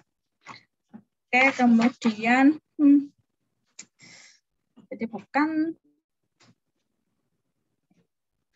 tentang seberapa tinggi tingkat intelijensi kalian ya untuk menata karir itu, tetapi apa yang mampu kalian lakukan, kalian mampu tampil beda, dan kalian menawarkan sebuah skill yang berbeda dari orang lain itu yang akan menambah uh, nilai kalian sendiri.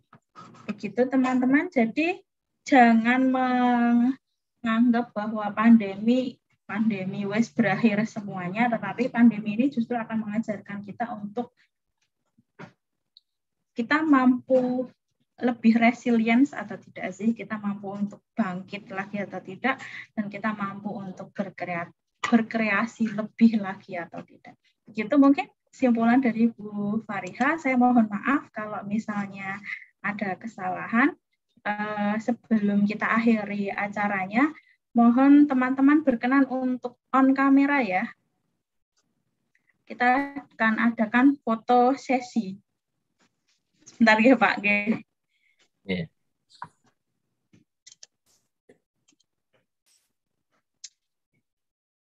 Ya, Bu Isma, silahkan dibuka kameranya. Bu Fenti, Mas Lili, Bu Jovita, cantik sekali Bu Jovita. Desi, ya, Bu Wiwi, mungkin kalau ini Mbak Ulia, Mbak Trimaining sih, Pak Heri. Oh, Mas Alan, iya Mas Alan. Ini Mas Alan itu berkarir dengan sangat bahagia ya teman-teman. Kalau kalian pengen tahu. Kemudian Bu Emma, monggo silahkan bisa dibuka dulu kameranya. Mau ada sesi foto. Mas Miftah dibantu untuk ini ya. ya. Mbak Anissa. Ini Pak Joko Siswanto, Pak Josis bergabung. Satu, dua, tiga. Oke. Silahkan selanjutnya. Sudah Mas Miftah? D. Ah, ah.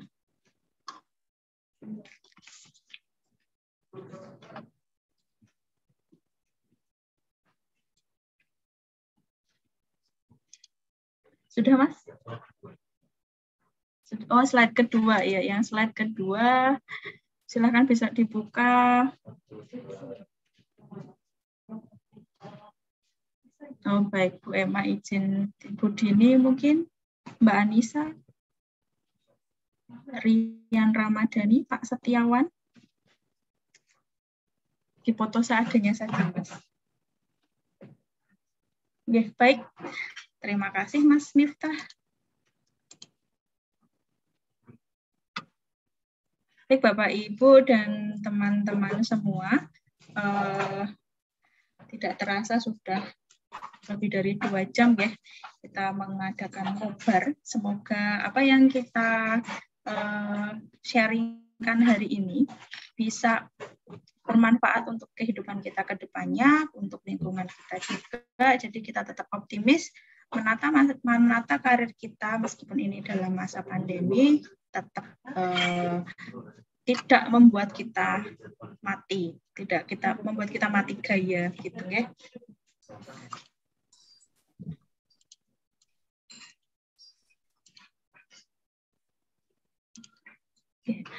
Sekali lagi Pak Nawan, kami dari Prodi BK Ugris mengucapkan terima kasih banyak um, atas ilmunya. Senang sekali saya sudah bisa sharing dengan Pak Nawan. Semoga Pak Nawan sehat selalu dan Amin. tetap bisa Amin. ya, menjalankan kegiatan dengan penuh semangat dan tetap bahagia ya Pak ya. Oke. Atau mungkin saya boleh closing sebentar, Bu. Oke Pak, monggo Pak, silahkan Pak. Jadi terima kasih Bu Fariha waktunya tambahannya. Jadi Bapak Ibu yang dari Prodi Prodi Bimbingan Konseling, eh, Universitas PGRI Semarang dan para mahasiswa semuanya, eh, terima kasih atas kesempatan eh, untuk bersharing di sini. Yang jelas eh, saya sangat berharap apa yang kita diskusikan di sini eh, bermanfaat dalam artian bahwa kita punya aware untuk menyat, apa itu, kita memiliki kesadaran bahwa peluang itu ternyata bisa kita tangkap kalau awalnya disadari dulu dan penyadaran ini dimulai dari dalam diri kita. Jadi bukan siapa-siapa yang akan menunjukkan siapa karena kemudian apa itu percuma orang lain akan menunjukkan banyak peluang di sekitar kita ketika kita tidak terbuka diri kita. Karena itu apa yang kita diskusikan di sini tadi yang tadi sudah disebutkan oleh Bu Ibu Fariha eh, bahwa eh, semuanya itu berkaitan dengan bagaimana kita membuka diri kita terhadap peluang yang ada. Jadi peluang itu bukan diberikan oleh orang lain, tapi kita yang menangkap dan itu melalui dari kesadaran diri kita. Ini harapannya mudah-mudahan bisa ditangkap ini dan mudah-mudahan menyemangatkan kita untuk menjalani Merdeka Belajar, apalagi ini adalah kegiatannya PKKM. Semoga nanti di uh, Prodi Bimbingan Konseling UGRIS nanti bisa lebih semarak untuk Merdeka Belajar dan para mahasiswa lebih terinspirasi untuk melakukan banyak hal yang kreatif. Itu yang bisa saya sampaikan. Mohon maaf apabila selama penyajian banyak kekurangan atau kata-kata yang kurang tepat atau kurang berkenan. Saya akhiri. Assalamualaikum warahmatullahi wabarakatuh. Waalaikumsalam warahmatullahi wabarakatuh. Baik, terima kasih Pak Nawan. Eh, baik, terima kasih Bapak Ibu dan juga teman-teman semua. Acara ngobar ngobrol bareng spesial Merdeka series 2 eh, dengan tema karir di masa pandemi kami akhiri. Mohon maaf apabila ada kesalahan. Semoga kita bisa ketemu lagi di sesi bulan depan dengan tema yang berdik- eh, berbeda. Saya akhiri. Assalamualaikum warahmatullahi wabarakatuh. Saya mohon maaf. Dadah semuanya. Tetap sehat selalu. Jangan lupa terapkan protokol kesehatan.